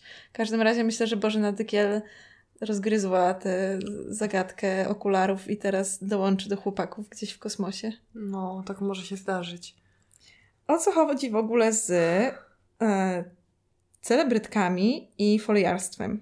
bo mam wrażenie, że to jest ostatnio niesamowicie popularne jakieś, w ogóle e, cały, cała ogromna branża gospodarki, która nazywa się wellness, bardzo ogólnie, bo przecież wszystko się do tego zalicza. Wellness może być psychoterapią, może być jogą. Może być medytacją, może być fitnessem, może, może być, być, masażem twarzy, może być, może być pedikirem. Może być piciem własnych sików. Tak, albo okresu. Wszystko to jest wellness. I to jest chyba bedness.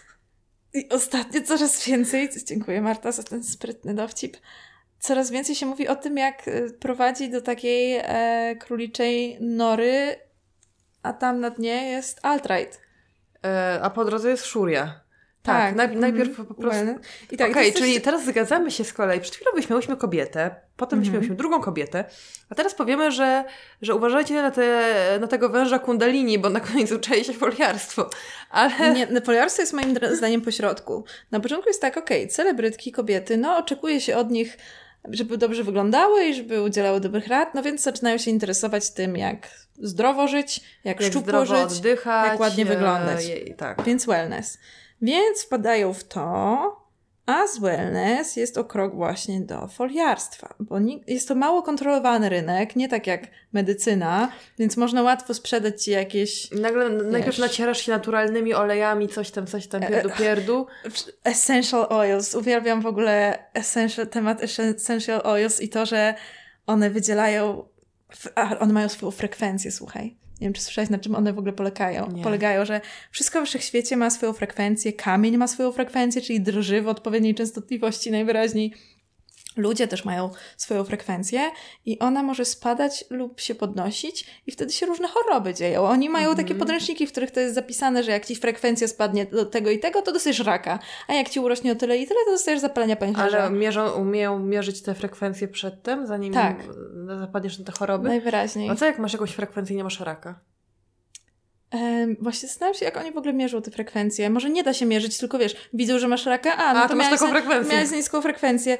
E, I wtedy są te essential oils, czyli po prostu, wiesz, jakiś sok z cytryny czy coś. I Jezu. one ci podnoszą frekwencję, bo same mają frekwencję. Zresztą zastanawiam się, jak według praw fizyki to ma według nich działać, tak? Że ten olejek ma naturalnie wysoką frekwencję, więc jak się nim posmarujesz albo go zjesz, cokolwiek z nim zrobisz, to podniesie twoją. Jakby fale chyba tak nie działają. Kasia, prawa fizyki są nieistotne. Rozumiem. Pamiętaj, że twaróg jest równie dobry jak teoria kwantowa. Twaróg jest wszechświatem. E, Ale nie, my wyznajemy kaczkę. Przypominam. My, tak, my wyznajemy wielką, Wielką tak, kaczkę. Że wszechświat kaczek. Ale no bo w ogóle ta cała jakby ezoteryka to jest też dla mnie złożony i ciekawy temat. Już miałyśmy o Miałyśmy. odcinek. Ale e, z jednej strony bardzo lubię i cieszy mnie, jak dziewczyny na przykład gadają o znakach Zodiaku i kupują sobie kryształy i trolują tych kolesi, którzy dostają po prostu piany, że jak to, wierzysz w astrologię? A Tak. ona mówi, no tak, i się Dosłownie. patrzy jak ten się pluje. Uważam to za absolutnie wspaniały trolling. To, to jest super i w ogóle też czy, czy followuję y, Instagramy zodiakalne i, i, i takie Mhm. rzeczy, E, ale są jakby mm, rzeczy, które są po prostu. To, te rzeczy nie kosztują pieniędzy i jakby nie wpływają e, tak na moje życie, że faktycznie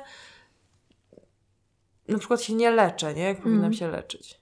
Albo uważam, że nie będę nosić maski, bo, No właśnie. bo w to- retrogradacji Merkurego e, szmataneriu szkodzi.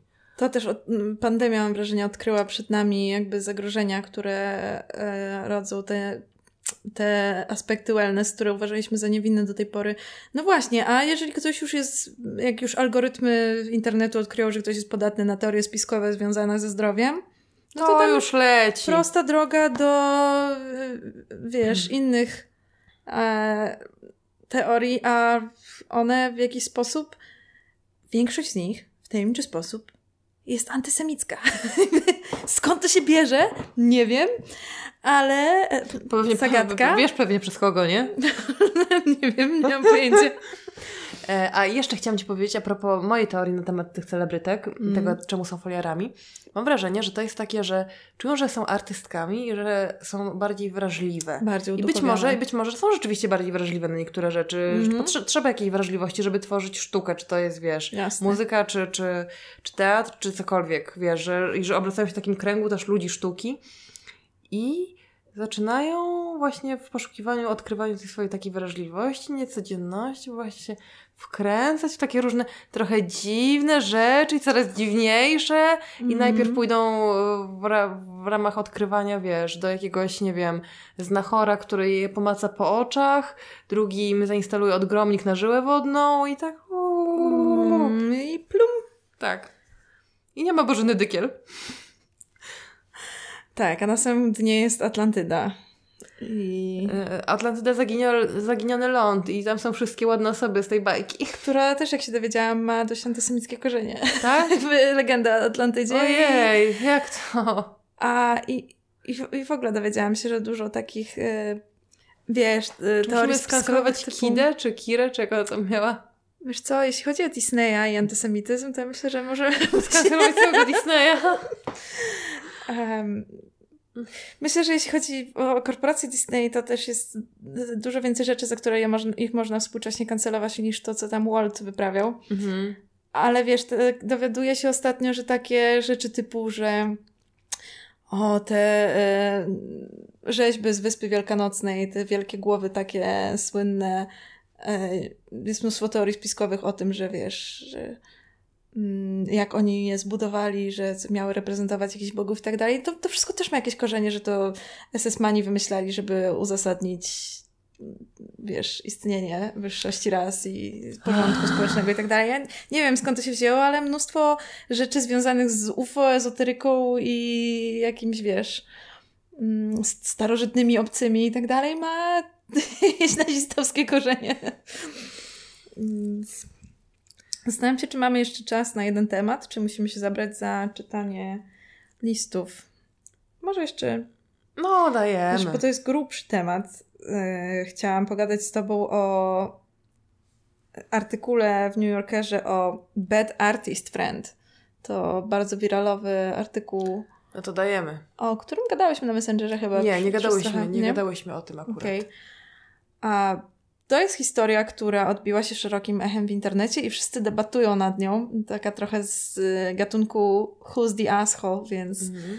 mm, odpalę sobie, żeby przypomnieć sobie nazwiska wszystkich i nic nie pomylić w tej historii. Historia dzieje się w, w Stanach, w świadku literackim e, i opisuje konflikt między Dawn Dorland i Sonią Larson.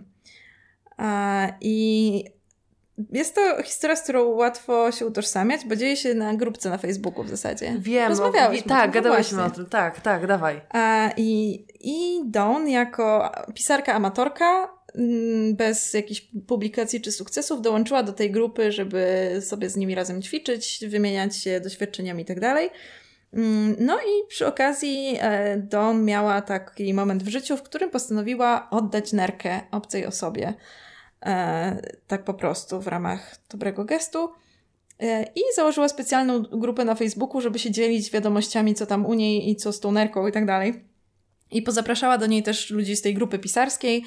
A zauważyła, że niezbyt się udzielają, więc napisała do jednej przyjaciółki z tej grupy, e, że hej, co tam u ciebie? A w ogóle to słyszałeś, że oddałam nerkę? jakby, co jest moim zdaniem dość dziwnym rzeczą do pisania znajomym na mhm. Messengerze, ale no ta, e, ta koleżanka, czyli Sonia odpisywała, że tak, super, bardzo fajnie zrobiłaś i tam podziwiam cię i, i odpisywała dość zdawkowo. No i po jakimś czasie Don zorientowała się, że Sonia dodajmy do takiego tła etnicznego, Dawn jest białą kobietą, Sonia jest y, Amerykanką azjatyckiego, chińskiego pochodzenia. Y, I, I Dawn zorientowała się, że Sonia, która odnosi trochę w przeciwieństwie do niej większe sukcesy na rynku wydawniczym, wydaje opowiadanie o lasce, która oddała nerkę. W zasadzie o lasce, która dostaje nerkę. I zaczęła się długa wymiana maili i batalia prawna między nimi, bo okazuje się, że podobieństw jest więcej. I wiesz, na początku spór wydawał się dość absurdalny, no bo pisarze mogą przecież inspirować się rzeczywistością, tak? Dowiedziała się, że jej znajoma oddała nerkę, postanowiła napisać opowiadanie z takim motywem. Bo no. tam też był ten wątek, prawda, że ta bohaterka oddająca nerkę w tym opowiadaniu została źle przedstawiona. Tak. Znaczy... Została przedstawiona jako osoba, która e, robi to w zasadzie dlatego, żeby sam, mm. sama poczuć się lepiej, żeby... Znaczy tak, y, Sonia na początku zaznacza, że to nie jest o niej. Mhm. Że to, ta bohaterka w ogóle nie ma z nią nic wspólnego, tak, tak. co później okazuje się bzdurą, ale do tego dojdziemy jeszcze. E, opowiadanie nazywa się The Kindest mhm. a, i e, główną bohaterką jest właśnie Azjatka, która ma fatalne życie i uzależnienie od alkoholu i całą rodzinę Czekaj, Don jest biała, a autorka Sonia jest, tak, e, jest pochodzenia po, chińskiego. Jest, jest, tak, pochodzenia chińskiego okay. i a, I pisze właśnie opowiadanie o Azjatce, która ma uzależnienie od alkoholu i generalnie spieprzone życie. I ma wypadek samochodowy ze swojej chyba winy, właśnie, że prowadziła po pijaku i trafia do szpitala i potrzebuje nerki i tę nerkę właśnie oddaje jej jakąś biała laska, która ma obsesję na punkcie tego, że ona ma być jej wdzięczna za to. Ma która, syndrom Jezusa. Tak, która próbuje zrobić to wszystko na swój temat. I, I, nie jest zbyt właśnie fajną osobą. Jakby przesłanie tego opowiadania jest takie, że ta główna bohaterka się dzięki temu nie zmienia na lepsze, mhm. nie jest jej wdzięczna i jakby jest to o, o, o, tak zwanym kompleksie białego zbawcy trochę opowiadane. Tak. I też o tym, jak po prostu y, robimy niby altruistyczne rzeczy z totalnie egoistycznych pobudek. Mhm. Z potrzeby tak, co, podbudowania własnego co ego. Co też nie zmienia moim zdaniem tego, że no jest to niesamowita rzecz, którą Dan zrobiła, nieważne z jakich, po, jakich pobudek, nie? No Oddała tak, swoją nerkę komuś. się spokojnie oddać nerkę, dodajmy, Ale że też, też... Nie rozwiniesz się duchowo, jeżeli nie puścisz jej po prostu. No właśnie na początku twierdziła, że w ogóle nie chce poznać osoby, która dostaje tę nerkę, ale zrezygnowała z tego pomysłu, napisała list mhm. i potem spotkała się z tymi ludźmi. To był jakiś, jakiś koleś pochodzący z bardzo ortodoksyjnej żydowskiej rodziny i robiła sobie z nim zdjęcie i wrzucała na tę grupę na Facebooku i tak dalej. No i e, coraz bardziej podejrzliwa sprawa zaczęła się robić, kiedy się okazało, że ten list, który do osoby, której oddała nerkę, który Don opublikowała na swojej grupie na Facebooku, został przepisany w słowo w słowo w oryginalnej wersji opowiadania. Aha. W późniejszej wydanej został już trochę przerobiony, ale w pierwszej był słowo w słowo, a, a też był dość troszkę cringe'owy, no bo ona tam faktycznie cały czas pisze o sobie, o tym, jakie miała trudne dzieciństwo, że nigdy za bardzo się dobrze nie dogadywała z rodzicami, więc, yy, więc teraz oddając tę nerkę tej osobie może jakby żyć ich życie. No strasznie to było skupione na niej, trochę żenujące. I, i ciekawe jest, że prawnie do sądu to trafia, ta sprawa trafiła jako sprawa o plagiat. Bo Dawn poz pozwała Sonię za ten fragment listu właśnie. O plagiat swojego życia. O plagiat listu. A. Bo nie da się pozwać no tak, tak właśnie. Tak, wiadomo. Nie da się kogoś pozwać o, o to, że opisał coś podobnego do twojego życia, mhm. nie? Ale da się pozwać za to, że użył twoich słów. No i to chyba jeszcze tam się toczy cały czas. E, I, i okej, okay, so, Sonia cały czas twierdziła, że okej, okay, to jest inspirowane, ale to nie jest o tobie co wydaje się podejrzane. No i oczywiście okazało się nieprawdą, bo później sąd wezwał do opublikowania wszystkich wiadomości na Messengerze między Sonią a resztą ich znajomych z grupy literackiej. I okazało się, że oni cały czas, miesiącami, za jej plecami cisnęli z niej bekę. E, to jest najgorszy koszmar każdego, że, jego, że będzie musiał ujawnić swój czat z Messengera. Tak. I wiecie, tutaj laska oddaje nerkę, a jej znajomi z grupki hobbystycznej piszą, Boże, jak ona jest nieznośna, jaka ona jest cringe'owa, ciągle pisze o tej swojej nerce, ona ma jakiś kompleks zbawcy, w ogóle jak można robić grupę całą na taki temat i czemu ona mnie pyta w mailach nagle, czy ja wiem o tym, że ona oddana. I generalnie cisną z niej bekę. I Sonia tam cały czas mówi o tym, że ona napisze o niej to opowiadanie. Mhm. Że nawet użyje tego listu i nic w nim nie zmieni, bo jest po prostu zbyt dobry i no i wszystko się wydało, tak? To było opowiadanie o Dawn, co... Przede wszystkim cała ta historia wydaje mi się po prostu historią okropnych ludzi. tak, wszyscy są nieokropni, oprócz tego biednego człowieka, który dostał tak. nerkę. Trochę źle mi tak mówić o Dawn, bo jednak jest to osoba, która oddała komuś swoją nerkę. Dobra, okay? ale można robić dobre rzeczy, obiektywnie jakby ratujące życie i tak dalej, a dalej mieć e, mm, słaby, irytują, irytujący tak, charakter. Można tak, być mega okay. wkurwiającą osobą, która robi wspaniałe tak. rzeczy. Myślę, że możemy się zgodzić. Jest irytującą osobą, co zupełnie jest niwelowane moim zdaniem przez jej dobry uczynek, yy, który zrobiła. I to w ogóle nie jest ważne, że jest irytująca. I, ja bym to powiedziała, wiesz, gdzieś tak przy znajomych, gdyby tego nie słyszała, a teraz cały świat mówi o tym, że jest irytująca. Co Dla mnie to jest ważne, czy ktoś e, potrafi jakby opanować e, siebie i swoje jakieś właśnie, swój ego staw na tyle, mm. żeby nie wkurwić wszystkim innym wszystkich innych pierdoleniem o sobie.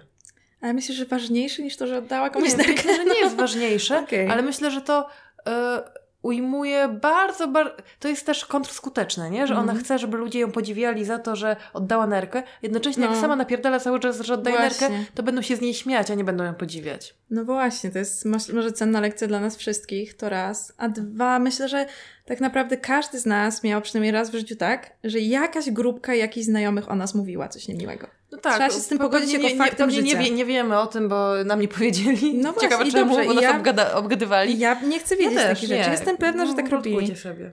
Ale właśnie, pytanie Zwracam czy... się tu do wszystkich swoich współpracowników, przyjaciół, rodziny. Mamo. Czy powinna pisać o niej opowiadanie? Um, nie wiem, ja, dla mnie to jest ciekawy bardzo kazus. Hmm. Bo oczywiście jeszcze Sonia spinuje to w ten sposób, że ja jako Chinko-Amerykanka napisałam to opowiadanie, a ona próbuje je sobie zawłaszczyć swoim głosem, jakby zrobić to wszystko na jej temat znowu, nie? No tak, to z kolei może być odczytywane jako sprytne wykorzystywanie napięć rasowych. Tak, nie? trochę tak to odczytuję, szczerze mówiąc. E, no, nie wiem, dla mnie ten jakby właśnie przypadek e, tak, zarysu sytuacji, że osoba oddaje nerkę, ale robi to wszystko o sobie, jest e, ciekawy i bardzo fajnie uważam, że to można przełożyć na literaturę, to, to, to właśnie o czym my mhm. rozmawiamy, nie? Czy ten dobry uczynek kasuje tej bycie irytującą? Jak można być irytującą? Jakie uczucia sama ta osoba przeżywa? Że to jest bardzo ciekawy temat. Bardzo ciekawy temat. Ja myślę, że to jest w ogóle ciekawe opowiadanie, ale gdyby mi się przydarzyło tak, że wiesz, no nie wiem, gdyby to była obca osoba, to bym nie miała oporów napisać. Mhm. Gdyby to była moja znajoma, to postarałabym się albo, żeby to ewidentnie nie w jakiś sposób się różniło od jej sytuacji, a już na pewno nie brałabym jej listu po prostu jeden do jednego. No w sensie postarałabym się, żeby nie było jej przykro z tym wszystkim. Ja też bym tak zrobiła jak ty, ale nie jestem pewna, czy yy, ujawnię teraz brzydką swoją stronę, hmm. czy na pewno dlatego, że chciałabym, żeby jej się nie zrobiło przykro, czy dlatego, żebym chciała, że chciałabym, żeby nie było inby. No, żebyś nie wyszła na taką sam, hamską osobę. No, moim no. zdaniem to się jedno z drugim łączy, tak? W sensie trochę jedno, a trochę drugie, nie? Sonia miała w dupie, czy będzie Inba.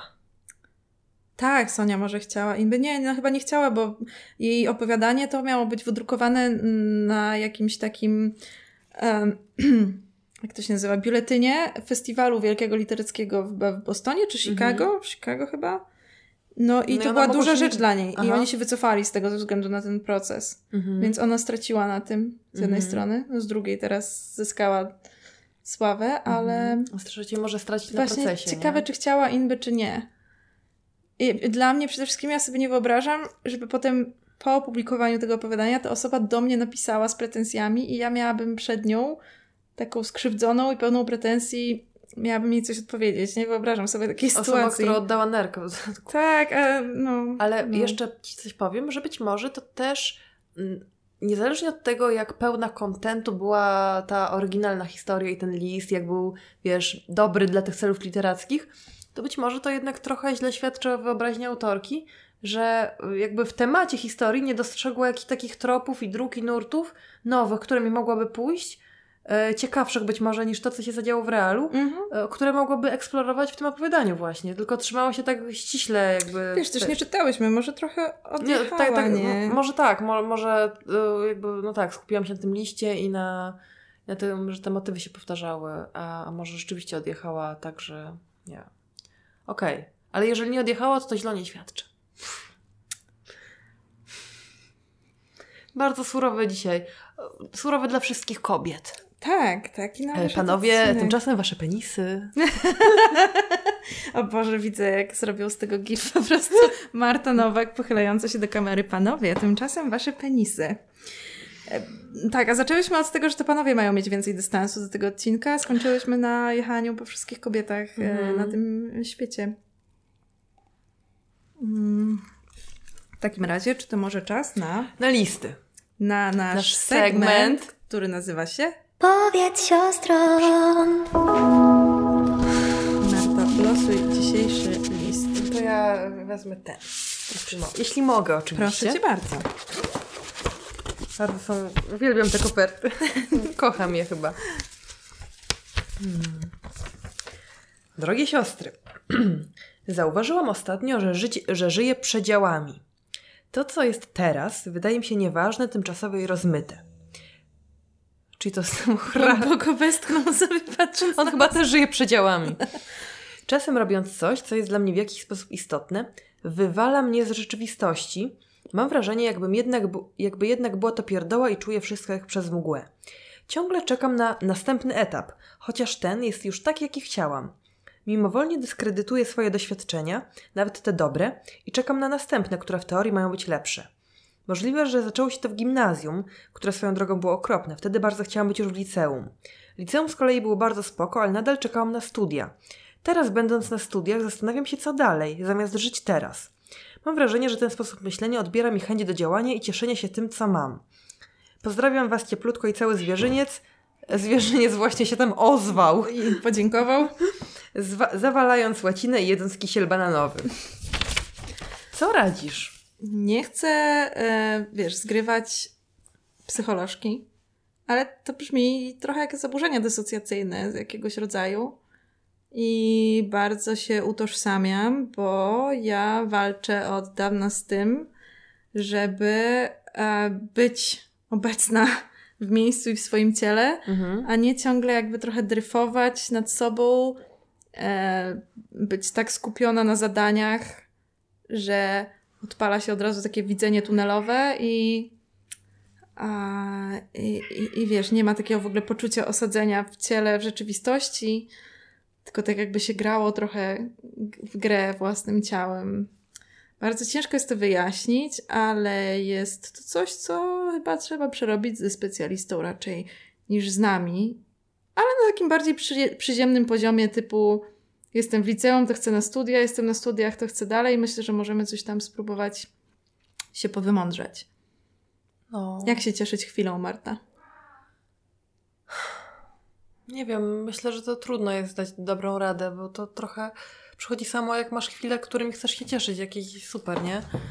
A, ale myślę, że też na początku życia, jak trochę jesteś, jak dopiero dorastasz, takie oczekiwanie na kolejne etapy jest y, w jakiejś mierze dosyć naturalne, że ja też się zastanawiałam, jak będzie w liceum. Tak, co dalej, co, Co dalej? jak będzie na tych studiach. e, Potem e, to pisała, wszystko- Pisałam opowiadanie o sobie na studiach, jak byłam w klasie maturalnej i wyobrażałam sobie, że tam będzie taka bohema nie wiadomo co. I A potem to wszystko trochę zwalnia, bo już nie ma już takich wyraźnych etapów Mhm. oddzielonych co kilka lat. Życie staje się ciąg, bardziej bardziej ciągłe. ciągłe. No, Mm. Można oczywiście, wiesz, będąc w narzeczeństwie, myśleć o tym, jak będzie po ślubie i tak dalej, albo jak to będzie, jak urodzę dziecko, albo cokolwiek. Ale y, te etapy już nie są tak sformalizowane, zależą bardziej od Twoich indywidualnych wyborów. Mhm. Więc to może też po prostu w jakiejś mierze minąć, ale oczywiście zawsze super jest pogadać z psychologiem, jeżeli czujesz, że to ci nie daje żyć, że to, jest, że to utrudnia realnie cieszenie się tym, co masz. Krowa, błagam cię. Możesz przestać chociaż na sekundę? Dzięki. Może też y, pomóc takie na siłę trochę osadzanie się w rzeczywistości, w sensie takie robienie sobie narracji do życia, romantycyzowanie na siłę każdej pierdoły w stylu siedzisz w pociągu. Mindfulness, razu- czyli tak? To, to jest no jakiś trochę rodzaj tak. By, mindfulnessu? bycie, bycie tu i teraz, nie?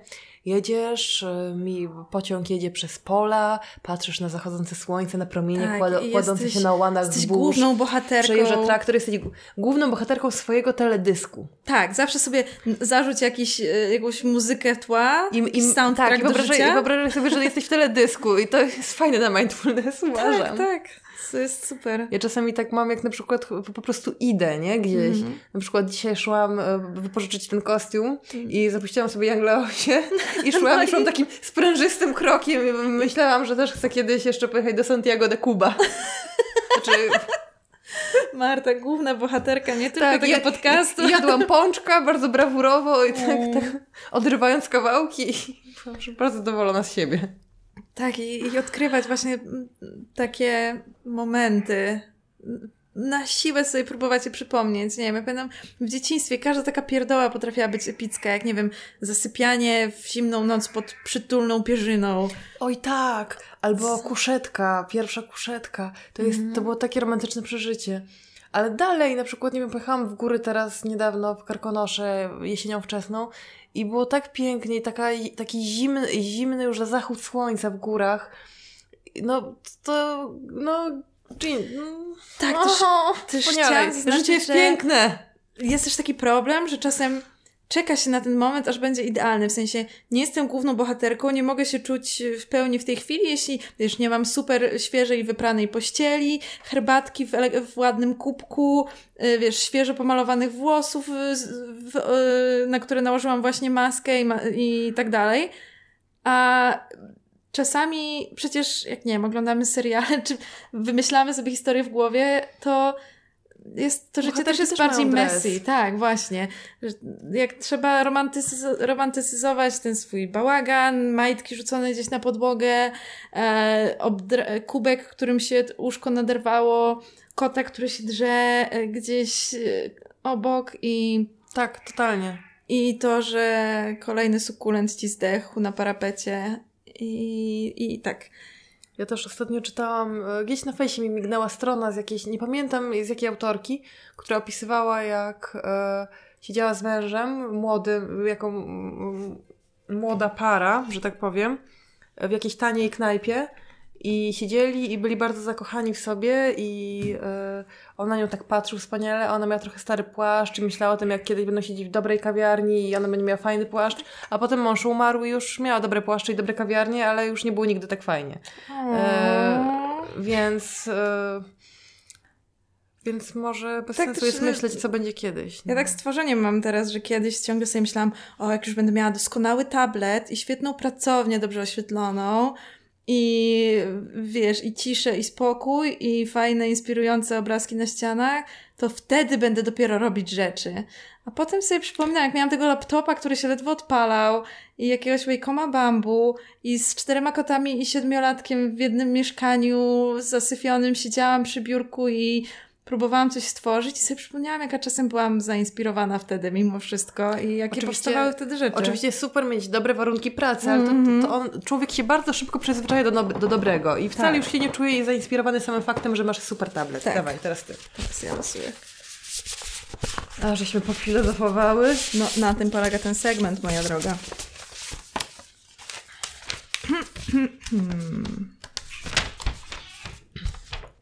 Chłopaki, błagam was. Kochane siostry, słuchając wielu waszych rad dotyczących przykrych sytuacji pod tytułem osoba, na której mi zależy, przestaje się odzywać lub nie wkłada w relację tyle co ja i jestem tej relacji lokomotywą, Pomyślałam o jeszcze jednej trudności, przeżywającej oczywiście intensywniej na świeżo. Mianowicie, jak ukoić myśli, że to ja mam jakiś feller w sobie, skoro nie jestem w stanie w kimś rozbudzić tej iskry zaangażowania. Zwłaszcza gdy w końcu natyka się człowiek w tych całych internetach, że przy kimś innym osoba ta jest pełna zaangażowania i w zasadzie wszystko sprawia wrażenie, że ta nowa relacja jest odwrotnością tej waszej. Myśli, że po prostu tak jest, że z kimś klika i już, i to kwestia czasu, że spotka się taką osobę, z którą w końcu kliknie, albo że a głupi, głupia jakaś, nie wie co traci. Są kojące tylko na jakiś czas. Oczywiście przyjrzenie się motywom własnych zachowań i reakcji jest dobrym pomysłem, ale czasem, zwłaszcza bez pomocy specjalisty, może zapędzić w kozi róg samo oskarżeń i samobiczowania się – Stąd moja myśl, że skoro ja, stara dupa 30, plus, a do tego psycholożka w dobrej terapii własnej i z gronem wspaniałych przyjaciół przeżywam taką trudność i układam się z tym długo, to co dopiero osoby sporo młodsze i to bez dostępu do pomocy psychologicznej. Wasze przyjacielskie ciepłe słowa, rady i przemyślenia mogą być dla innych plasterkiem i ciepłym kocykiem pomagającym zaleczyć i wygrzeć takie zranienie. Więc, drogie siostry, co powiecie o sobie, która w takiej sytuacji myśli sobie: Jestem felerna, dla innych ludzie chcą się starać, zakochują się, a dla mnie nie. Ściskam Was wszystkich bardzo serdecznie, kochane, kochani i osoby kochane i kochające. Jesteście wszyscy piękni, mądrzy i dobrzy. Co Widzicie? wtedy? Co no, wtedy? Słuchaj, ja mam wrażenie, że pewnie wielu z nas, yy, być może nie jakby najmłodsi słuchacze, którzy w ogóle jeszcze nie mają za dużo doświadczeń związkowych, ale w ogóle wielu mm. ludzi, ma takie doświadczenia z dwóch stron tak naprawdę i bardzo łatwo jest nam zapomnieć o tym, o tych, w których to my byliśmy osobą, w której ktoś się zakochał albo zaangażował. My nie myślimy o poprzednich e, relacjach tej osoby i o tym, że e, w poprzednich relacjach mogło to funkcjonować inaczej czy gorzej. A za to przeżywamy te, te relacje, w których ktoś jakby odrzucił nas, a potem znalazł sobie nową dupę ku naszej frustracji. I że trochę wiadomo, że skupiamy się bardziej na tym, co nas boli, niż na tym, co wydaje nam się kompletnie fajne i normalne, bo jest nam w tym szczęśliwie. Nie myślimy wtedy o tych byłych, których pokonałyśmy albo pokonaliśmy. Nie wierzę, że są osoby, z którymi nikt nigdy nie klika. Nie, no. nie, nie widzę tego w doświadczeniu. Nie ma takich Nawet osób. ciężko, jakoś zaburzone w ogóle osoby. Tak, jest, ma jest związki. 7 miliardów ludzi na świecie i niemożliwe, że nie ma kogoś, kto jest, y, kto na tym samym poziomie co jest i nie, nie, nie, nie, niekoniecznie mieszka w Hongkongu, nie? Tak, tak. Twoje, mieszka w twoim mieście. Jest szansa, że jest dużo więcej takich osób niż jedna Gorące, na zaburzone osoby w twojej okolicy. Musimy zrobić taką photoshopkę.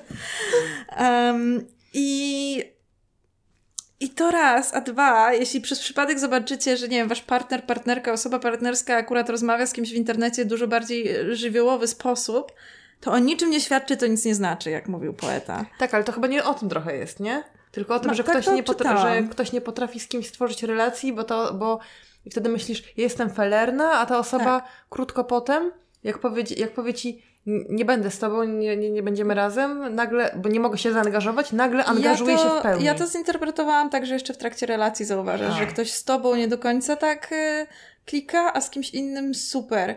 I to też trzeba brać pod uwagę, moim zdaniem, że, um, że te dynamiki są tak zmienne. Po pierwsze, jak poznajesz kogoś nowego, to zupełnie się z nim inaczej komunikujesz.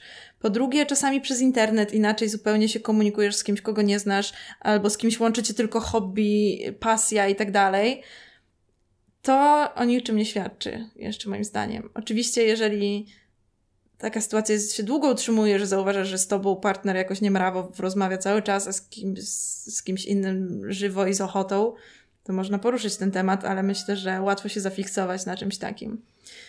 Um, chciałam tylko jeszcze dodać przy okazji, żebyście nie, e, nie rozłączali się od razu, jak przeczytamy wszystkie listy, bo dzisiaj ogłaszamy jeszcze wyniki konkursu na historyjkę. Z chwili dla ciebie. I tak tak, gdzie będziemy można rozdawać książki. książkę. Bo mm. Takie historyjki były super i będziemy je czytać. Tak, więc jeszcze list, Marta. Pam. Siostry. Chodzi o pisanie. Od kiedy pamiętam, zawsze pisałam. Głównie fanfiki, durne i proste historyjki. Nigdy nie wiązałam z tym żadnej przyszłości, nie interesowało mnie zbytnio rozwijanie się w tym kierunku. Od po prostu mam w głowie dużo historii i chcę yy, czasami przeleć je na papier.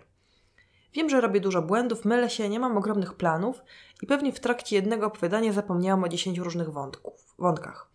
Do tej pory jednak mi to nie przeszkadzało, bo jak już wspomniałam, po prostu chciałam wyrzucić z siebie historie siedzące w mojej głowie. Ostatnio jednak znalazłam się w środowisku pisarskim. No, przynajmniej wśród ludzi, którzy traktują to dużo poważniej. Początkowo z innych powodów, a ostatecznie jakimś cudem dorobiłam się większej paczki i kryzysu. Jakoś tak podczas jednej rozmowy ludziom udało się zachęcić mnie do pokazania jednej z prac i cóż, dostałam wiele rad, które z pewnością przydałyby się komuś, kto chce się rozwijać. Od tamtej pory codziennie te same osoby wypisują do mnie, pytają jak mi idzie, próbują coś pomagać. Z jednej strony oczywiście jestem wdzięczna, z drugiej ja naprawdę tego wszystkiego nie chcę. Kilka razy próbowałam im to wytłumaczyć. Zaznaczałam, że i tak większości rzeczy nigdy nie publikuję, a nawet jeśli to raczej na jakiejś stronie dla amatorów, a nie w wydawnictwie. I nic! Wiadomości nie ustały. Ale za to zostałam zwyzywana od tchórzy, leniwców, a jedna osoba zagroziła mi, że opublikuje gdzieś moje opowiadanie i tak je zjedzie, że nikt już nie będzie chciał traktować moich historii poważnie. What the fuck? Co? Pisze autorka, ja się z tym zgadzam. Najgorsze jest jednak to, bo to jeszcze nie jest najgorsze że od tego czasu nie potrafię się dobrze bawić przy pisaniu. Wciąż mam mnóstwo historii, ale teraz pisanie jest dla mnie stresujące. Coś, co przez całe życie mi pomagało pozbyć się stresu, teraz jest kolejnym źródłem. Jednocześnie nie potrafię tego porzucić na dobre, bo jednak robię to od zawsze. Co robić? Rzu rzucać to? Próbować wrócić do stanu przed poznaniem tych osób? Jak tak, to jak? Czy może zmusić się do pisania na poważnie? Girl lub boy, girl, jest girl do niczego się nie zmuszaj. Kurde, oni są chujowi. Jakby rzucaj, tak, ale nie pisanie, Rzucaj tylko tę ich. grupę. Rzuć ich. Tak, i próbuj wrócić do stanu sprzed. Sprawiało ci to tyle frajdy. No. A na pewno grupy hobbystyczne tak mają, traktują to zbyt poważnie. Pamiętam jak a, był taki okres w moim rozwoju artystycznym, kiedy właśnie na, na grupach ludzi rysujących cyfrowo było straszny nacisk na levelowanie ciągle, nie? Że oni wszyscy podchodzili do tego jak do gry komputerowej, w których musisz nabijać skilla i jak wiesz, jak wychodziłaś na piwo z znajomym wie- wieczorem, to było takie pogardliwe, a ja tutaj leveluję dalej i cisnę i rysuję już od 11 godzin, a ty idziesz żenujący niczego w życiu nie osiągniesz. tak? 16 godzin. Tak. I no ludzie, którzy mają pasję, czasami wpadają w takie toksyczne mindset. Ale Ty chcesz się bawić, chcesz się wyluzować pisząc. i to, jest, i to jest super i w ogóle uważam, że godne podziwu jest Pewnie. to, że jakby totalnie rozróżniasz, co jest dla ciebie jakby pracą, a co jest, y, a co jest dla ciebie po prostu hobby. Tak. I to jest Kapitalizm super. Nie każdy, Mhm. nie każdy, kto jakby pisze cokolwiek, musi od razu chcieć to publikować. Totalnie jest to uprawnione, że masz inne podejście i oni robią ci jakby totalnie niedźwiedzią przysługę i sama to wiesz. I naprawdę możesz im mówić, że są chujowi i że nie życzysz sobie takich uwag, bo, bo naprawdę... Ja myślę, że po prostu ich odetnij. Nie próbuj im tłumaczyć, bo ewidentnie nie rozumieją. Tak, kapitalizm wmawia nam wszystkim, że naj, najwyższe, co można osiągnąć w jakiejkolwiek dziedzinie, to zmonetyzowanie jej, tak? Czyli dopiero Oraz kiedy... osiągnięcie prestiżu przy, Tak. przy tej okazji.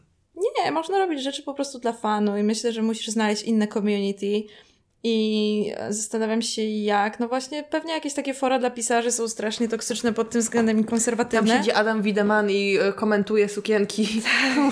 Myślę, że możesz spróbować na Discordzie Chlebtuby.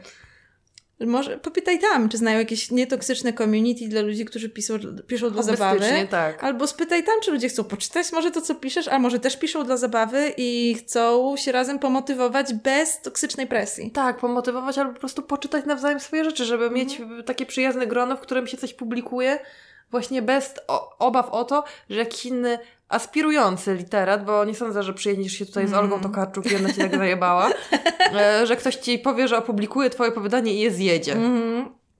Więc mm, Discord Chlebtuby jest przyjaznym miejscem. Ale Polecamy. w ogóle bardzo jest fajny ten list i bardzo mi się podoba Prawda? ta świadomość w Mhm. ogóle i to, że autentycznie widzisz zmianę w swoim stosunku do pisania, autentycznie widzisz, co konkretnie i jakie konkretnie chujowe komentarze je powodują. Bardzo dojrzałe to jest. Tak, i to, że tak e, potrafisz, bo ja straciłam, ja zostałam tak przeorana, mój mózg, że straciłam e, możliwość e, takiej frajdy, jaką miałam kiedyś z rysowania, czerpania, więc brawo dla ciebie.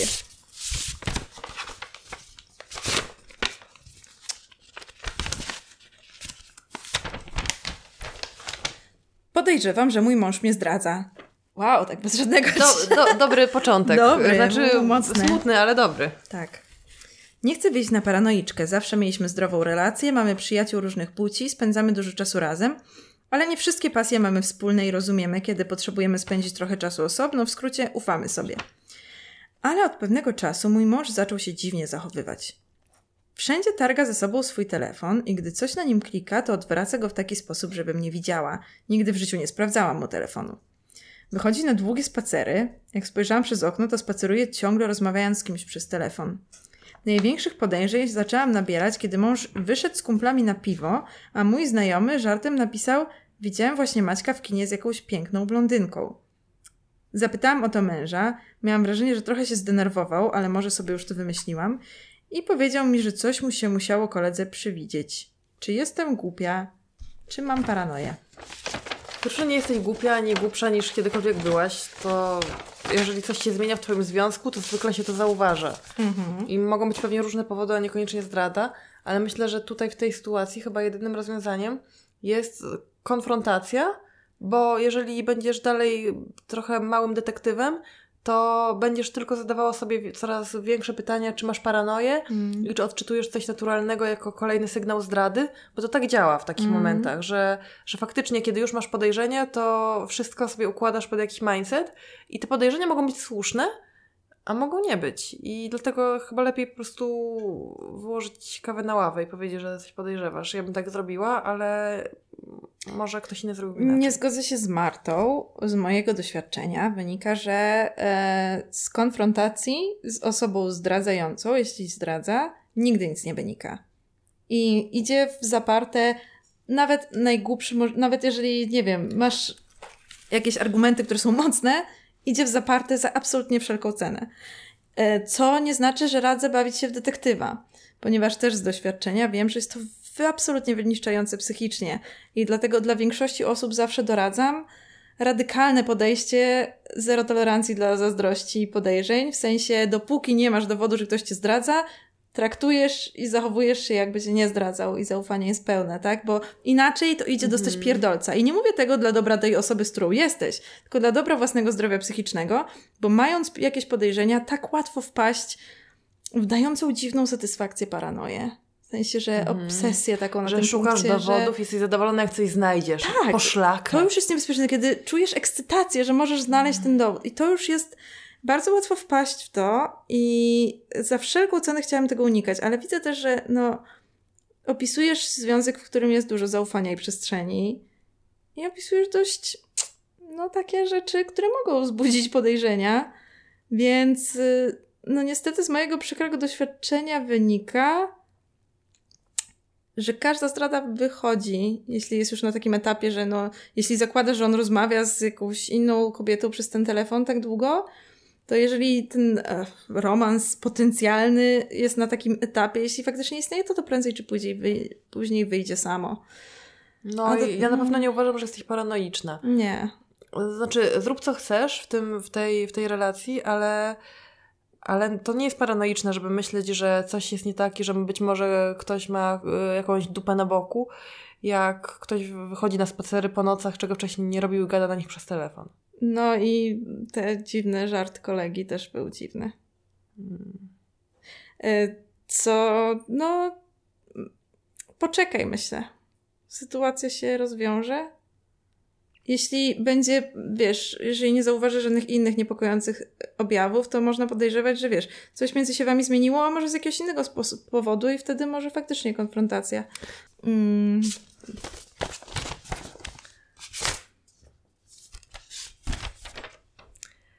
Hej, jestem chłopakiem, mam 22 lata i całe życie miałam krótkie włosy. Ale jeszcze przed pandemią zacząłem je zapuszczać i obecnie mam mniej więcej taką długość, jaką ma Kasia. O. Podzielicie się radami i swoimi doświadczeniami, jak dbać i pielęgnować dłuższe włosy? Jestem słabą osobą do radzenia, jak pielęgnować dłuższe włosy, ponieważ nigdy nie miałam dłuższych, dłuższych, znaczy nie, miałam, jak sobie przedłużałam sztucznie, bo moje włosy niestety strasznie się łamią na końcach i nie jestem w stanie zapuścić ich dłużej niż tak, no wiecie, trochę za ramiona. A ja też nie jestem najlepszą osobą do radzenia, bo mam takie nie... tutaj Perukę.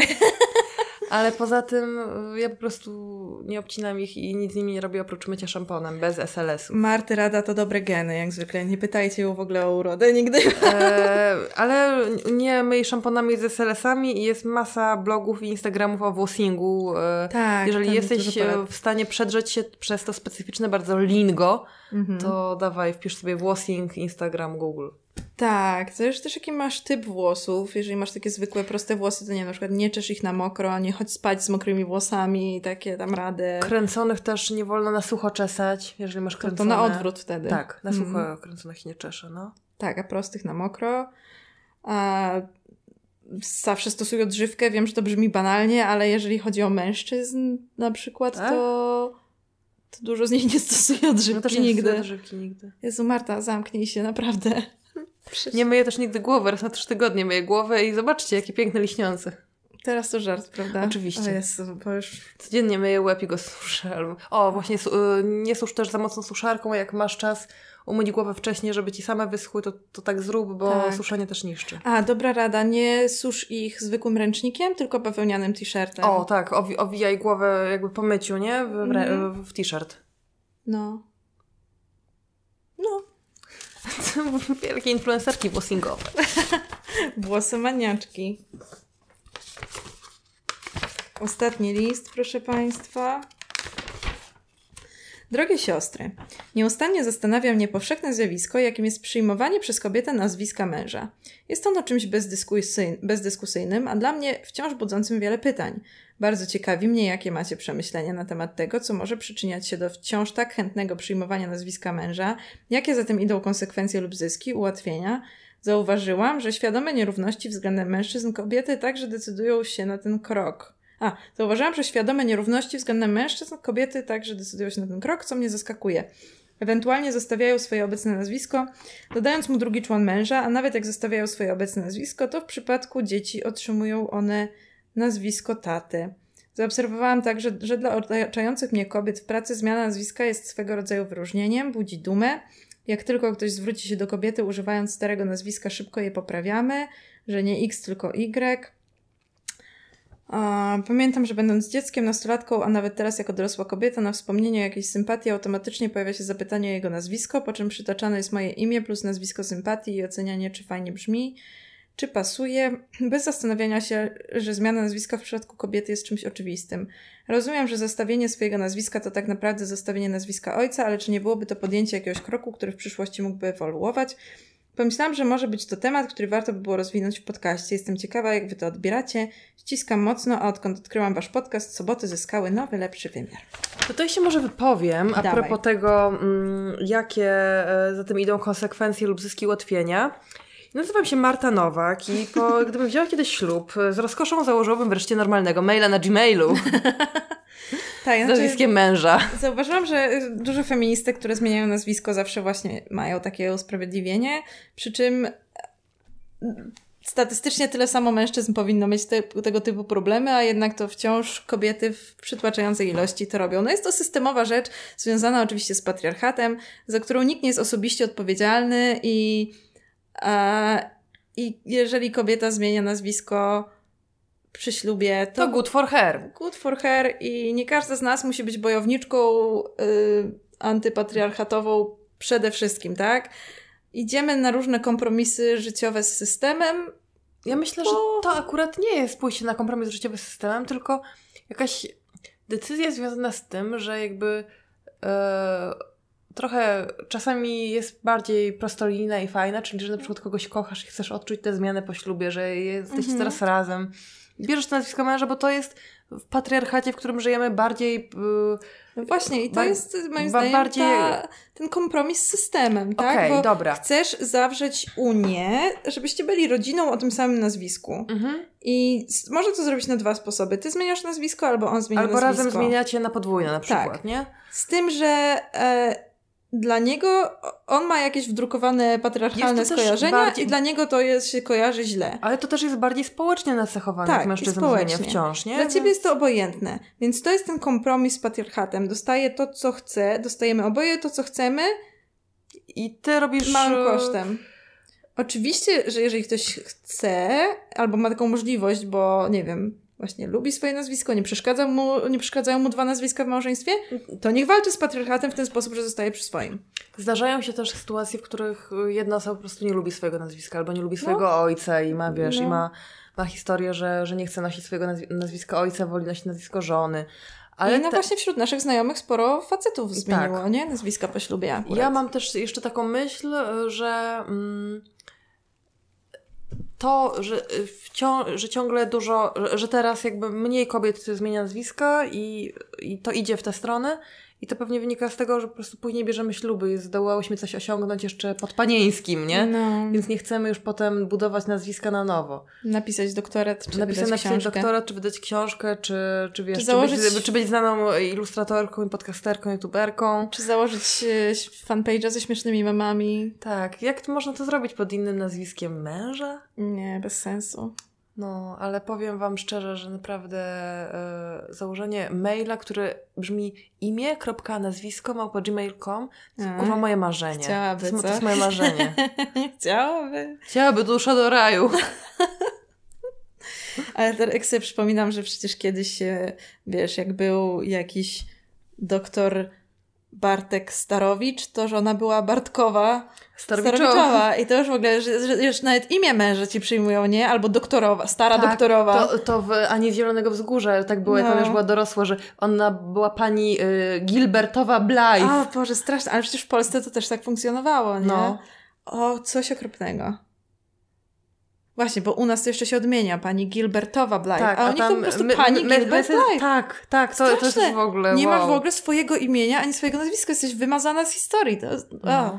więc E, No i jeszcze jest to, że y, znam też historię osób, które zmieniły nazwisko albo na podwójne, albo na Mhm. męża. I jest coś takiego, że w polskim prawie możesz przez jakiś czas, nie wiem, czy miesiąc, czy trzy, ale przez kilka tygodni możesz się z tego wycofać mm. i wrócić do swojego. I też znam historię osób, które e, przyjęły nazwisko męża i stwierdziły, że to jest dziwne, że to nie są one i Mhm. wróciły do swojego e, panieńskiego. można i tak. Można i tak. E, no to teraz, słuchajcie, rozstrzygamy chyba konkurs. Tak, zgodnie z zapowiedzią, dam, da, da, dam. Mm. E, czy ja tu mam Swojego tablecika. Mam. Tylko nie wiem, czy jest zalegowany. Tak, jest zalegowany tak jak trzeba. Em, Część z Was w ogóle przysłała do nas od razu te listy w formie graficznej. Co było super słodkie. Tak. Nie było to wymogiem, ale było to było, wymogiem. było mega kochane. E, W stylistyce oczywiście zachowanej e, chwilo, chwili dla Ciebie życia na gorąco. E, Ale ponieważ w ogóle nie było to wymagane i nie miało wpływu na nasz werdykt, to ja wszystkie Wasze historyjki poddam podobnej obróbce graficznej i będę je wyświetlać tutaj na ekranie teraz. Mm, Gdzie jest początek? Dobra. To ta chwila, tak? Tak, to ta pierwsza chwila. Pewnie. Teraz czytamy zwycięzców. Tak, czytamy zwycięzców. Nie zawsze widać, kto to jest, niestety, ale to może lepiej, że to nie będziemy zdradzać personaliów, nie? Tak, Jak więc- usłyszycie swoją, to wygraliście, ja napiszę maila jeszcze Do do, was. wszystkich e, zwycięzców będziemy się odzywać zresztą w mailu i zwyciężczyń. Nic was więc nie ominie. Nic was nie ominie. Historia numer jeden. Pewnego dnia wraz z siostrą postanowiłyśmy pójść do teatru. Gdy na sali zgasły światła, poczułam silne zmęczenie, ponieważ całą poprzednią noc mój kot co chwilę budził mnie, wskakując mi na brzuch i przeraźliwie miaucząc. Obudziłam się, gdy na sali było już jasno, a wszyscy wokół mnie bili brawo. Widziałam ostatnio wywiad dla Théâtre Vide Lausanne. Ten lupa jest niesamowicie poschizowany na punkcie Malapartego. Powiedziała Marta po wyjściu z przedstawienia odpalając papierosa. To ty powinnaś czytać tę historyjkę. Jaka lasagna? Jaka lupa? Spytałam zbita z tropu, jednocześnie ziewając. Okazało się, że Marta mówiła o szwajcarskim teatrze oraz o reżyserze spektaklu, z którego właśnie wyszłyśmy. Tak mnie to rozbawiło, że opowiedziałam to mojemu chłopakowi i połowie młodego pokolenia lewicowców w Polsce. Kasia z Lublina. To mnie, puenta mnie pokonała w tej historii. Ta połowa młodych lewicowców. Czy, to, czy jest coś, co lepiej ujmuje esencję mnie i ciebie? Am, Być może, być może nasze wizerunki, owszem. Czy, czy w ogóle przedstawiłyśmy, bo może ktoś nie widział tamtego odcinka, na A. czym polega ten konkurs? Że trzeba napisać taką o nas historyjkę z chwili dla ciebie. Chyba to już powiedziałyśmy. I Tak, ale myślę, że wszyscy wiecie, o jaki rodzaj historyjek chodzi. tak, takie, które, że śmiały się i dokazywały na Tak, końcu. czytelnicy przysyłają do redakcji swoje śmieszne historyjki z życia. Boże, Cheetos wygląda tak śmiesznie, muszę zrobić mu zdjęcie, gdzie jest mój telefon. Ja mu zrobię, jak nie Zrób masz. mu zdjęcie, zobacz jaki śmieszny. Jest bardzo śmieszny. Czy śmieszny Cheetos jest śmieszny? Jest. Dobra. Teraz ja przeczytam drugą. O, drugą ja jestem autorką, więc tym, tym lepiej O, pasuje. Cudownie. Cześć, przesyłam moją historyjkę na konkurs. Razem z moją przyjaciółką Kasią postanowiłyśmy coś upichcić. Kasiu, możesz, może poszukasz przy, przepisu na coś dobrego w internecie, zaproponowałam. Po chwili spoglądam, a Kaśka cała zapłakana siedzi przed monitorem. A ta Kaśka. Kasiu, co się stało? Zapytałam przerażona. Kasia szlochając odpowiedziała, że właśnie przeczytała w sekcji komentarzy, jak jakiś obcokrajowiec napisał I love pierogi, poprawnie odmieniając nazwę tego kulinarnego specjału. Oj, Kasiu, ty szalona romantyczko, powiedziałam roześmiana. Wzruszona Kasia też się rozweseliła i w doskonałych nastrojach zabrałyśmy się za lepienie pierogów. Wyszły przepyszne. Marta z Warszawy. O Boże, na pewno śmiałyśmy się i dokazywałyśmy Na pewno dużo bardzo lubimy pierogi. okazji. Dobrze, dalej. To, to graficzna jest zrobiona, już oryginalna. Uwielbiam, jak zawsze pod tym zdjęciami jest podpis To Tomy. my. A nie, to kurwa sąsiadka. Porwany but. W środę odwiedza, odwiedziła mnie moja serdeczna koleżanka Marta, z którą znamy się od lat i zawsze, gdy się spotykamy, chętnie dokazujemy. Tym razem towarzyszył nam mój piesek Cheetos, który zwykle jest bardzo grzeczny. Jednak gdy tylko Marta usiadła, Cheetos nagle wystartował z drugiego końca pokoju i porwał jeden z ich butów. Moja koleżanka krzycząc zaczęła gonić go w jednym bucie po całym mieszkaniu. Ale z ciebie kopciuszek, zażartowałam i obie śmiałyśmy się do łez Kasia z Warszawy. Ja uwielbiam słowo dokazywać. To jest chyba jedno z moich ulubionych słów. Ale to, to ale z ciebie kopciuszek, Kopciuszek? to faktycznie taki żart z chwili dla ciebie typowy. To jest bardzo wierne. Konkur- e, Chopin wiecznie żywy brzmi tytuł. Kasia i Marta, dwie przyjaciółki rozgwiazdy młodzieżowej platformy YouTube, postanowiły zgłębić sekrety muzyki klasycznej. Wybrały się na koncert chopinowski. Już pierwsza osoba uczestnicząca wywołała niemałą konsternację dziewcząt z publiki. Zawodnik rzucał się po klawiszach, kalecząc dzieło naszego ukochanego, słynnego polskiego artysty narodowego. Co tu się dzieje? Czy tak powinna brzmieć muzyka klasyczna? Pyta z niedowierzaniem Marta. Myślę, że to współczesna interpretacja, odpowiada Kasia. To jest doskonałe uchwycenie szchrólu. Po chwili zawodnik zaczyna wyć i wtedy wszystko staje się jasne. To pies Cheetos grał na pianinie. Wzruszone dziewczęta zaczęły klaskać, a widownia wstała wiwatując. Kasia i Marta z YouTube'a. Bardzo, bardzo się wzruszyła. Też. Przed sklepem jubilera. Przechodziłyśmy właśnie obok sklepu jubilerskiego, kiedy zauważyłam, że moja przyjaciółka Marta maślanym wzrokiem wpatruje się w szybę. O co chodzi? zapytałam. Nagle Marta spojrzała mi głęboko w oczy. Kasiu, powiedziała, łapiąc mnie za rękę, już dawno chciałam cię o to zapytać. Czy uczynisz mi ten zaszczyt i zagrasz w, sztuce, którą wyreżyseruję? Nie musiała dodawać, o jaką sztukę chodzi, bo tylko o jednej potrafiłam mówić tygodniami. Mój Boże, westchnęłam, wyobrażając sobie siebie w roli Anny, gdy ubrana jak ikona stylu, kładę na blat obrączkę, stojąc na tle szafy gdańskiej. Tak! krzyknęłam. Ludzie z pobliskiej kawiarni wstali i zaczęli klaskać. Byłam pewna, że mi się oświadczysz, wyznałam, gdy wreszcie doszłam do siebie. Przyjaciółka spojrzała na mnie z politowaniem. Oszalałaś? spytała. Wtedy któraś z nas musiałaby nauczyć się sprzątać. Śmiechom nie było końca, Kasia z Lublina. To jest też super, bo w tych historyjkach zawsze jest takie, e, jakieś duże rzeczy są sprowadzone do jakichś takich małych pseudobonmotów. Tutaj rozczarowanie, brakiem oświadczeń. Miałyśmy się. Cześć, żebyśmy tutaj... Z głową w chmurach brzmi tytuł. Marta akurat przesiadała się między samolotami. Była bardzo zestresowana, że nie zdąży. Biegła prężnie do bramki, kiedy zorientowała się, że zapomniała z Polski covidowego paszportu. Znak czasów. Już miała załamać ręce, ale kątem oka spostrzegła, że przy bramce stała Kasia i do niej machała. Kasia była cała rozchichotana, jak to zwykle ta szalona rozrabiaczka. Co ty tutaj robisz? Zapytała Marta zdziwiona, dobiegłszy do bramki. Myślałam, że jesteś na swoich wakacjach. Zapomniałaś paszportu, więc ci go przywiozłam.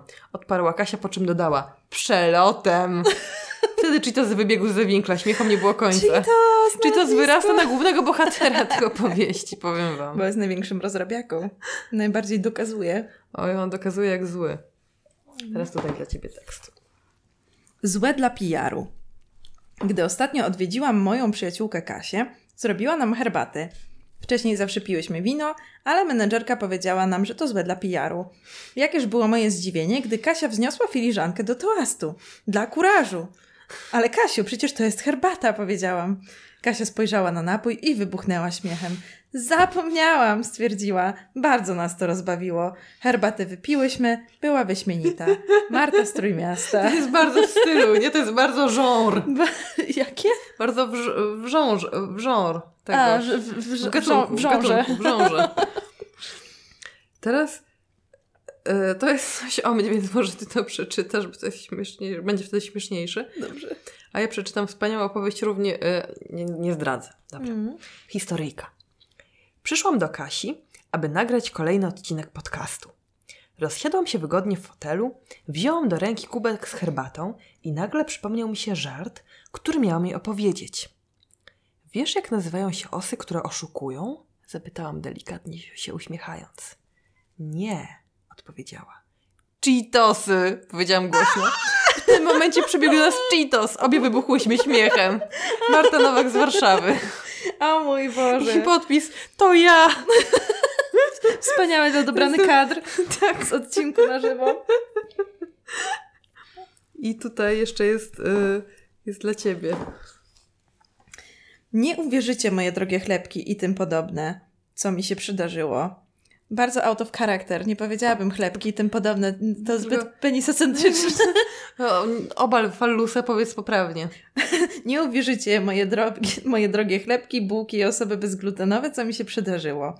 Spotkałam córkę Roberta Makłowicza. Jako znana youtuberka poszłam pokazać się do jakiejś modnej knajpy w Warszawie. Tak robi całe życie, nie? Wzięłam ze sobą książkę modnego autora Ma- Michaela Foucault. Michaela? Michaela Foucault. Jest napisane Michela. Nie, jest napisane Michaela. Nie, no zobacz. Czym się różni Michael od Michela? Teraz specjalnie to robisz. Nie... Przecież Michel ma dwa L. Jedno L ma. Michelle, dziewczyna, jak Michelle Pfeiffer ma dwa L. Okej. A to czym się różni Michael od Michela? Ma A. Michael jest po angielsku, a Mm. Michel jest po francusku. Przepraszam. Wziąłam ze sobą książkę modnego autora Michela Foucault. Gdy zasiadłam przy stoliku, przeczytałam na głos nazwisko autora z okładki. Nagle z pleców usłyszałam Foucault. Okej, dobra. Muszę się, dobra, muszę się wczuć w rolę i przeczytać jeszcze przestać raz. chichotać i dokazywać chyba. Wzięłam ze sobą książkę modnego autora Michaela Foucaulta. Gdy zasiadam przy stoliku, przeczytałam na głos nazwisko autora z okładki. Jak zwykle mam w zwyczaju, już siadam przy stoliku i mówię nazwisko autora. Michael Foucault. Michael Foucault. Nagle z pleców usłyszałam Foucault! Krzyknęłam wnerwiona. Ja ciebie nie obrażałam, Foucault!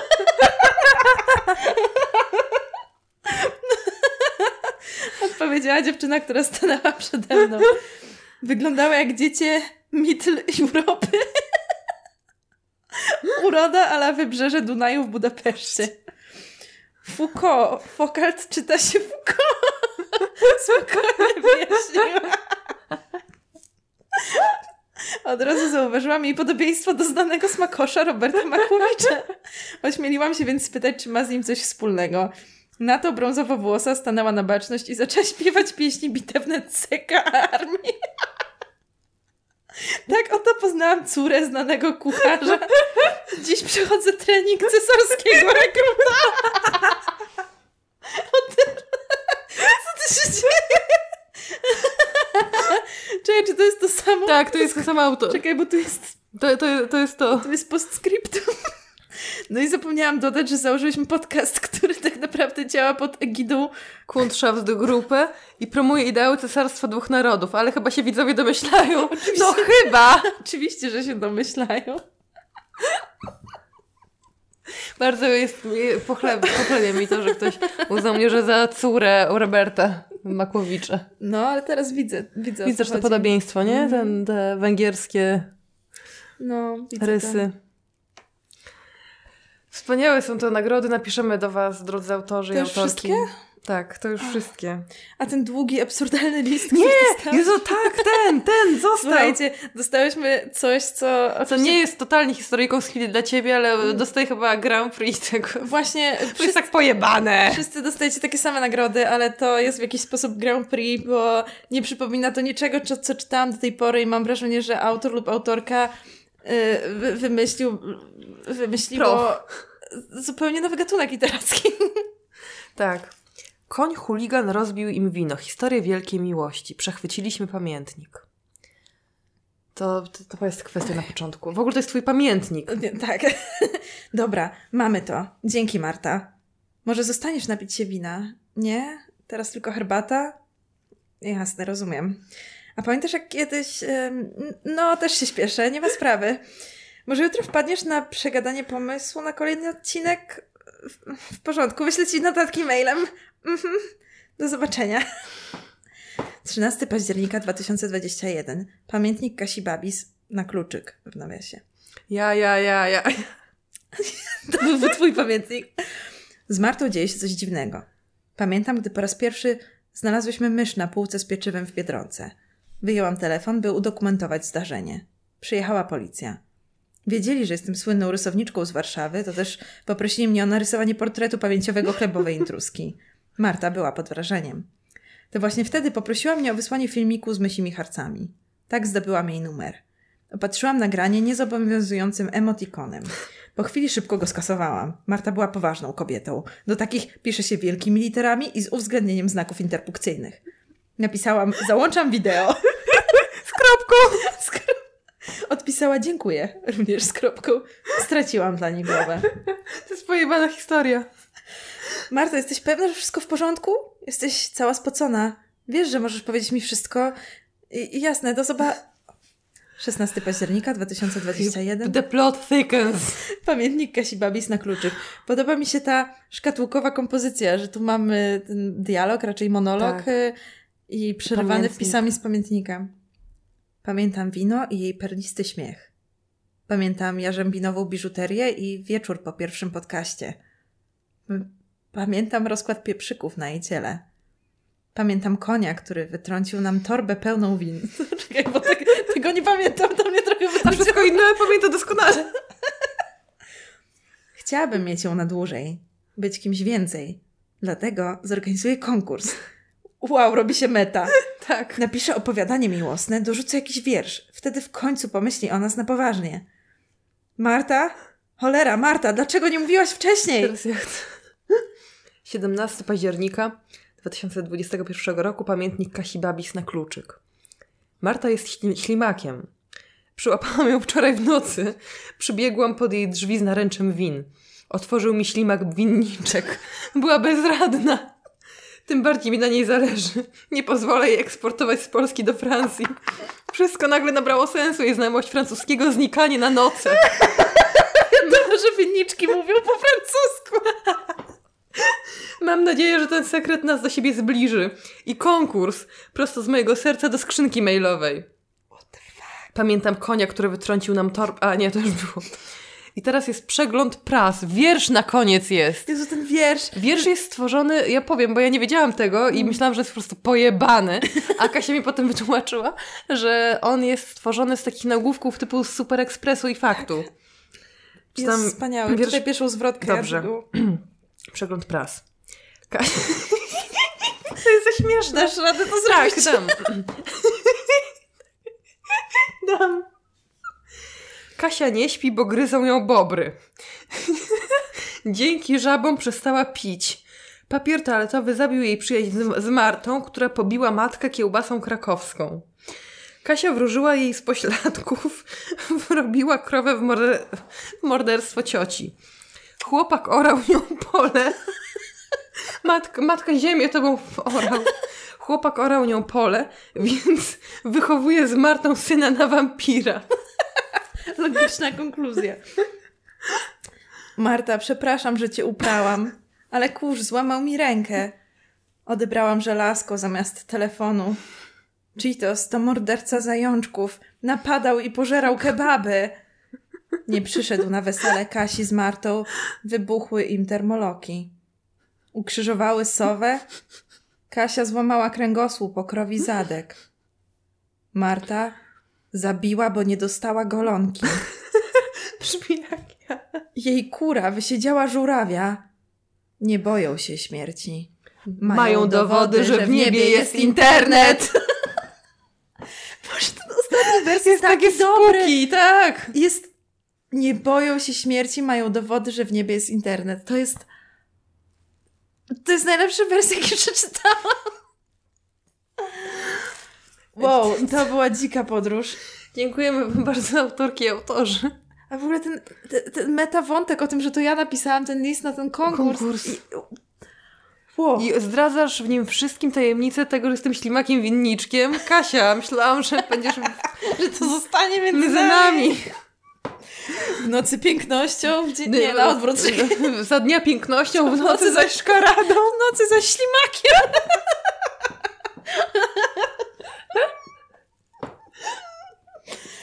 O mój Boże, to jest- To była wielka i piękna podróż. było wspaniale e, i musimy kończyć na dzisiaj. Strasznie... Jezus Maria! Chyba z półtorej godziny, ten będzie, z dwie i pół godziny będzie miał ten podcast. Może tak być, może tak być.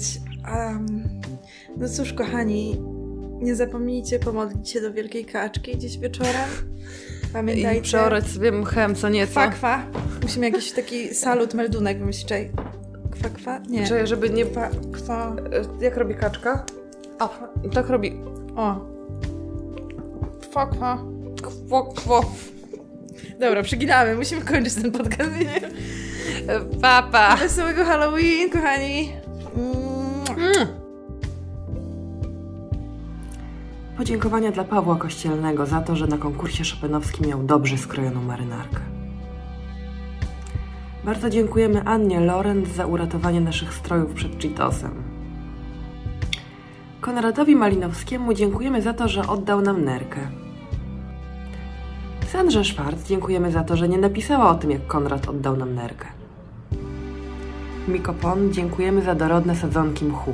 Wiemy, co z nimi zrobić. Podziękowanie dla MDZK za to, że w transie staje się kolektywną tożsamością. Karolinie Wyszyńskiej dziękujemy za to, że zrobiła nam twarogu, to znaczy stworzyła świat.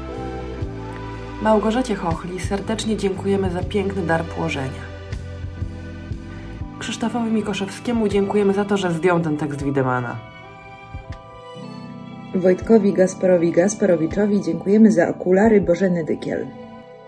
Tali dziękujemy za to, że nie sterczy.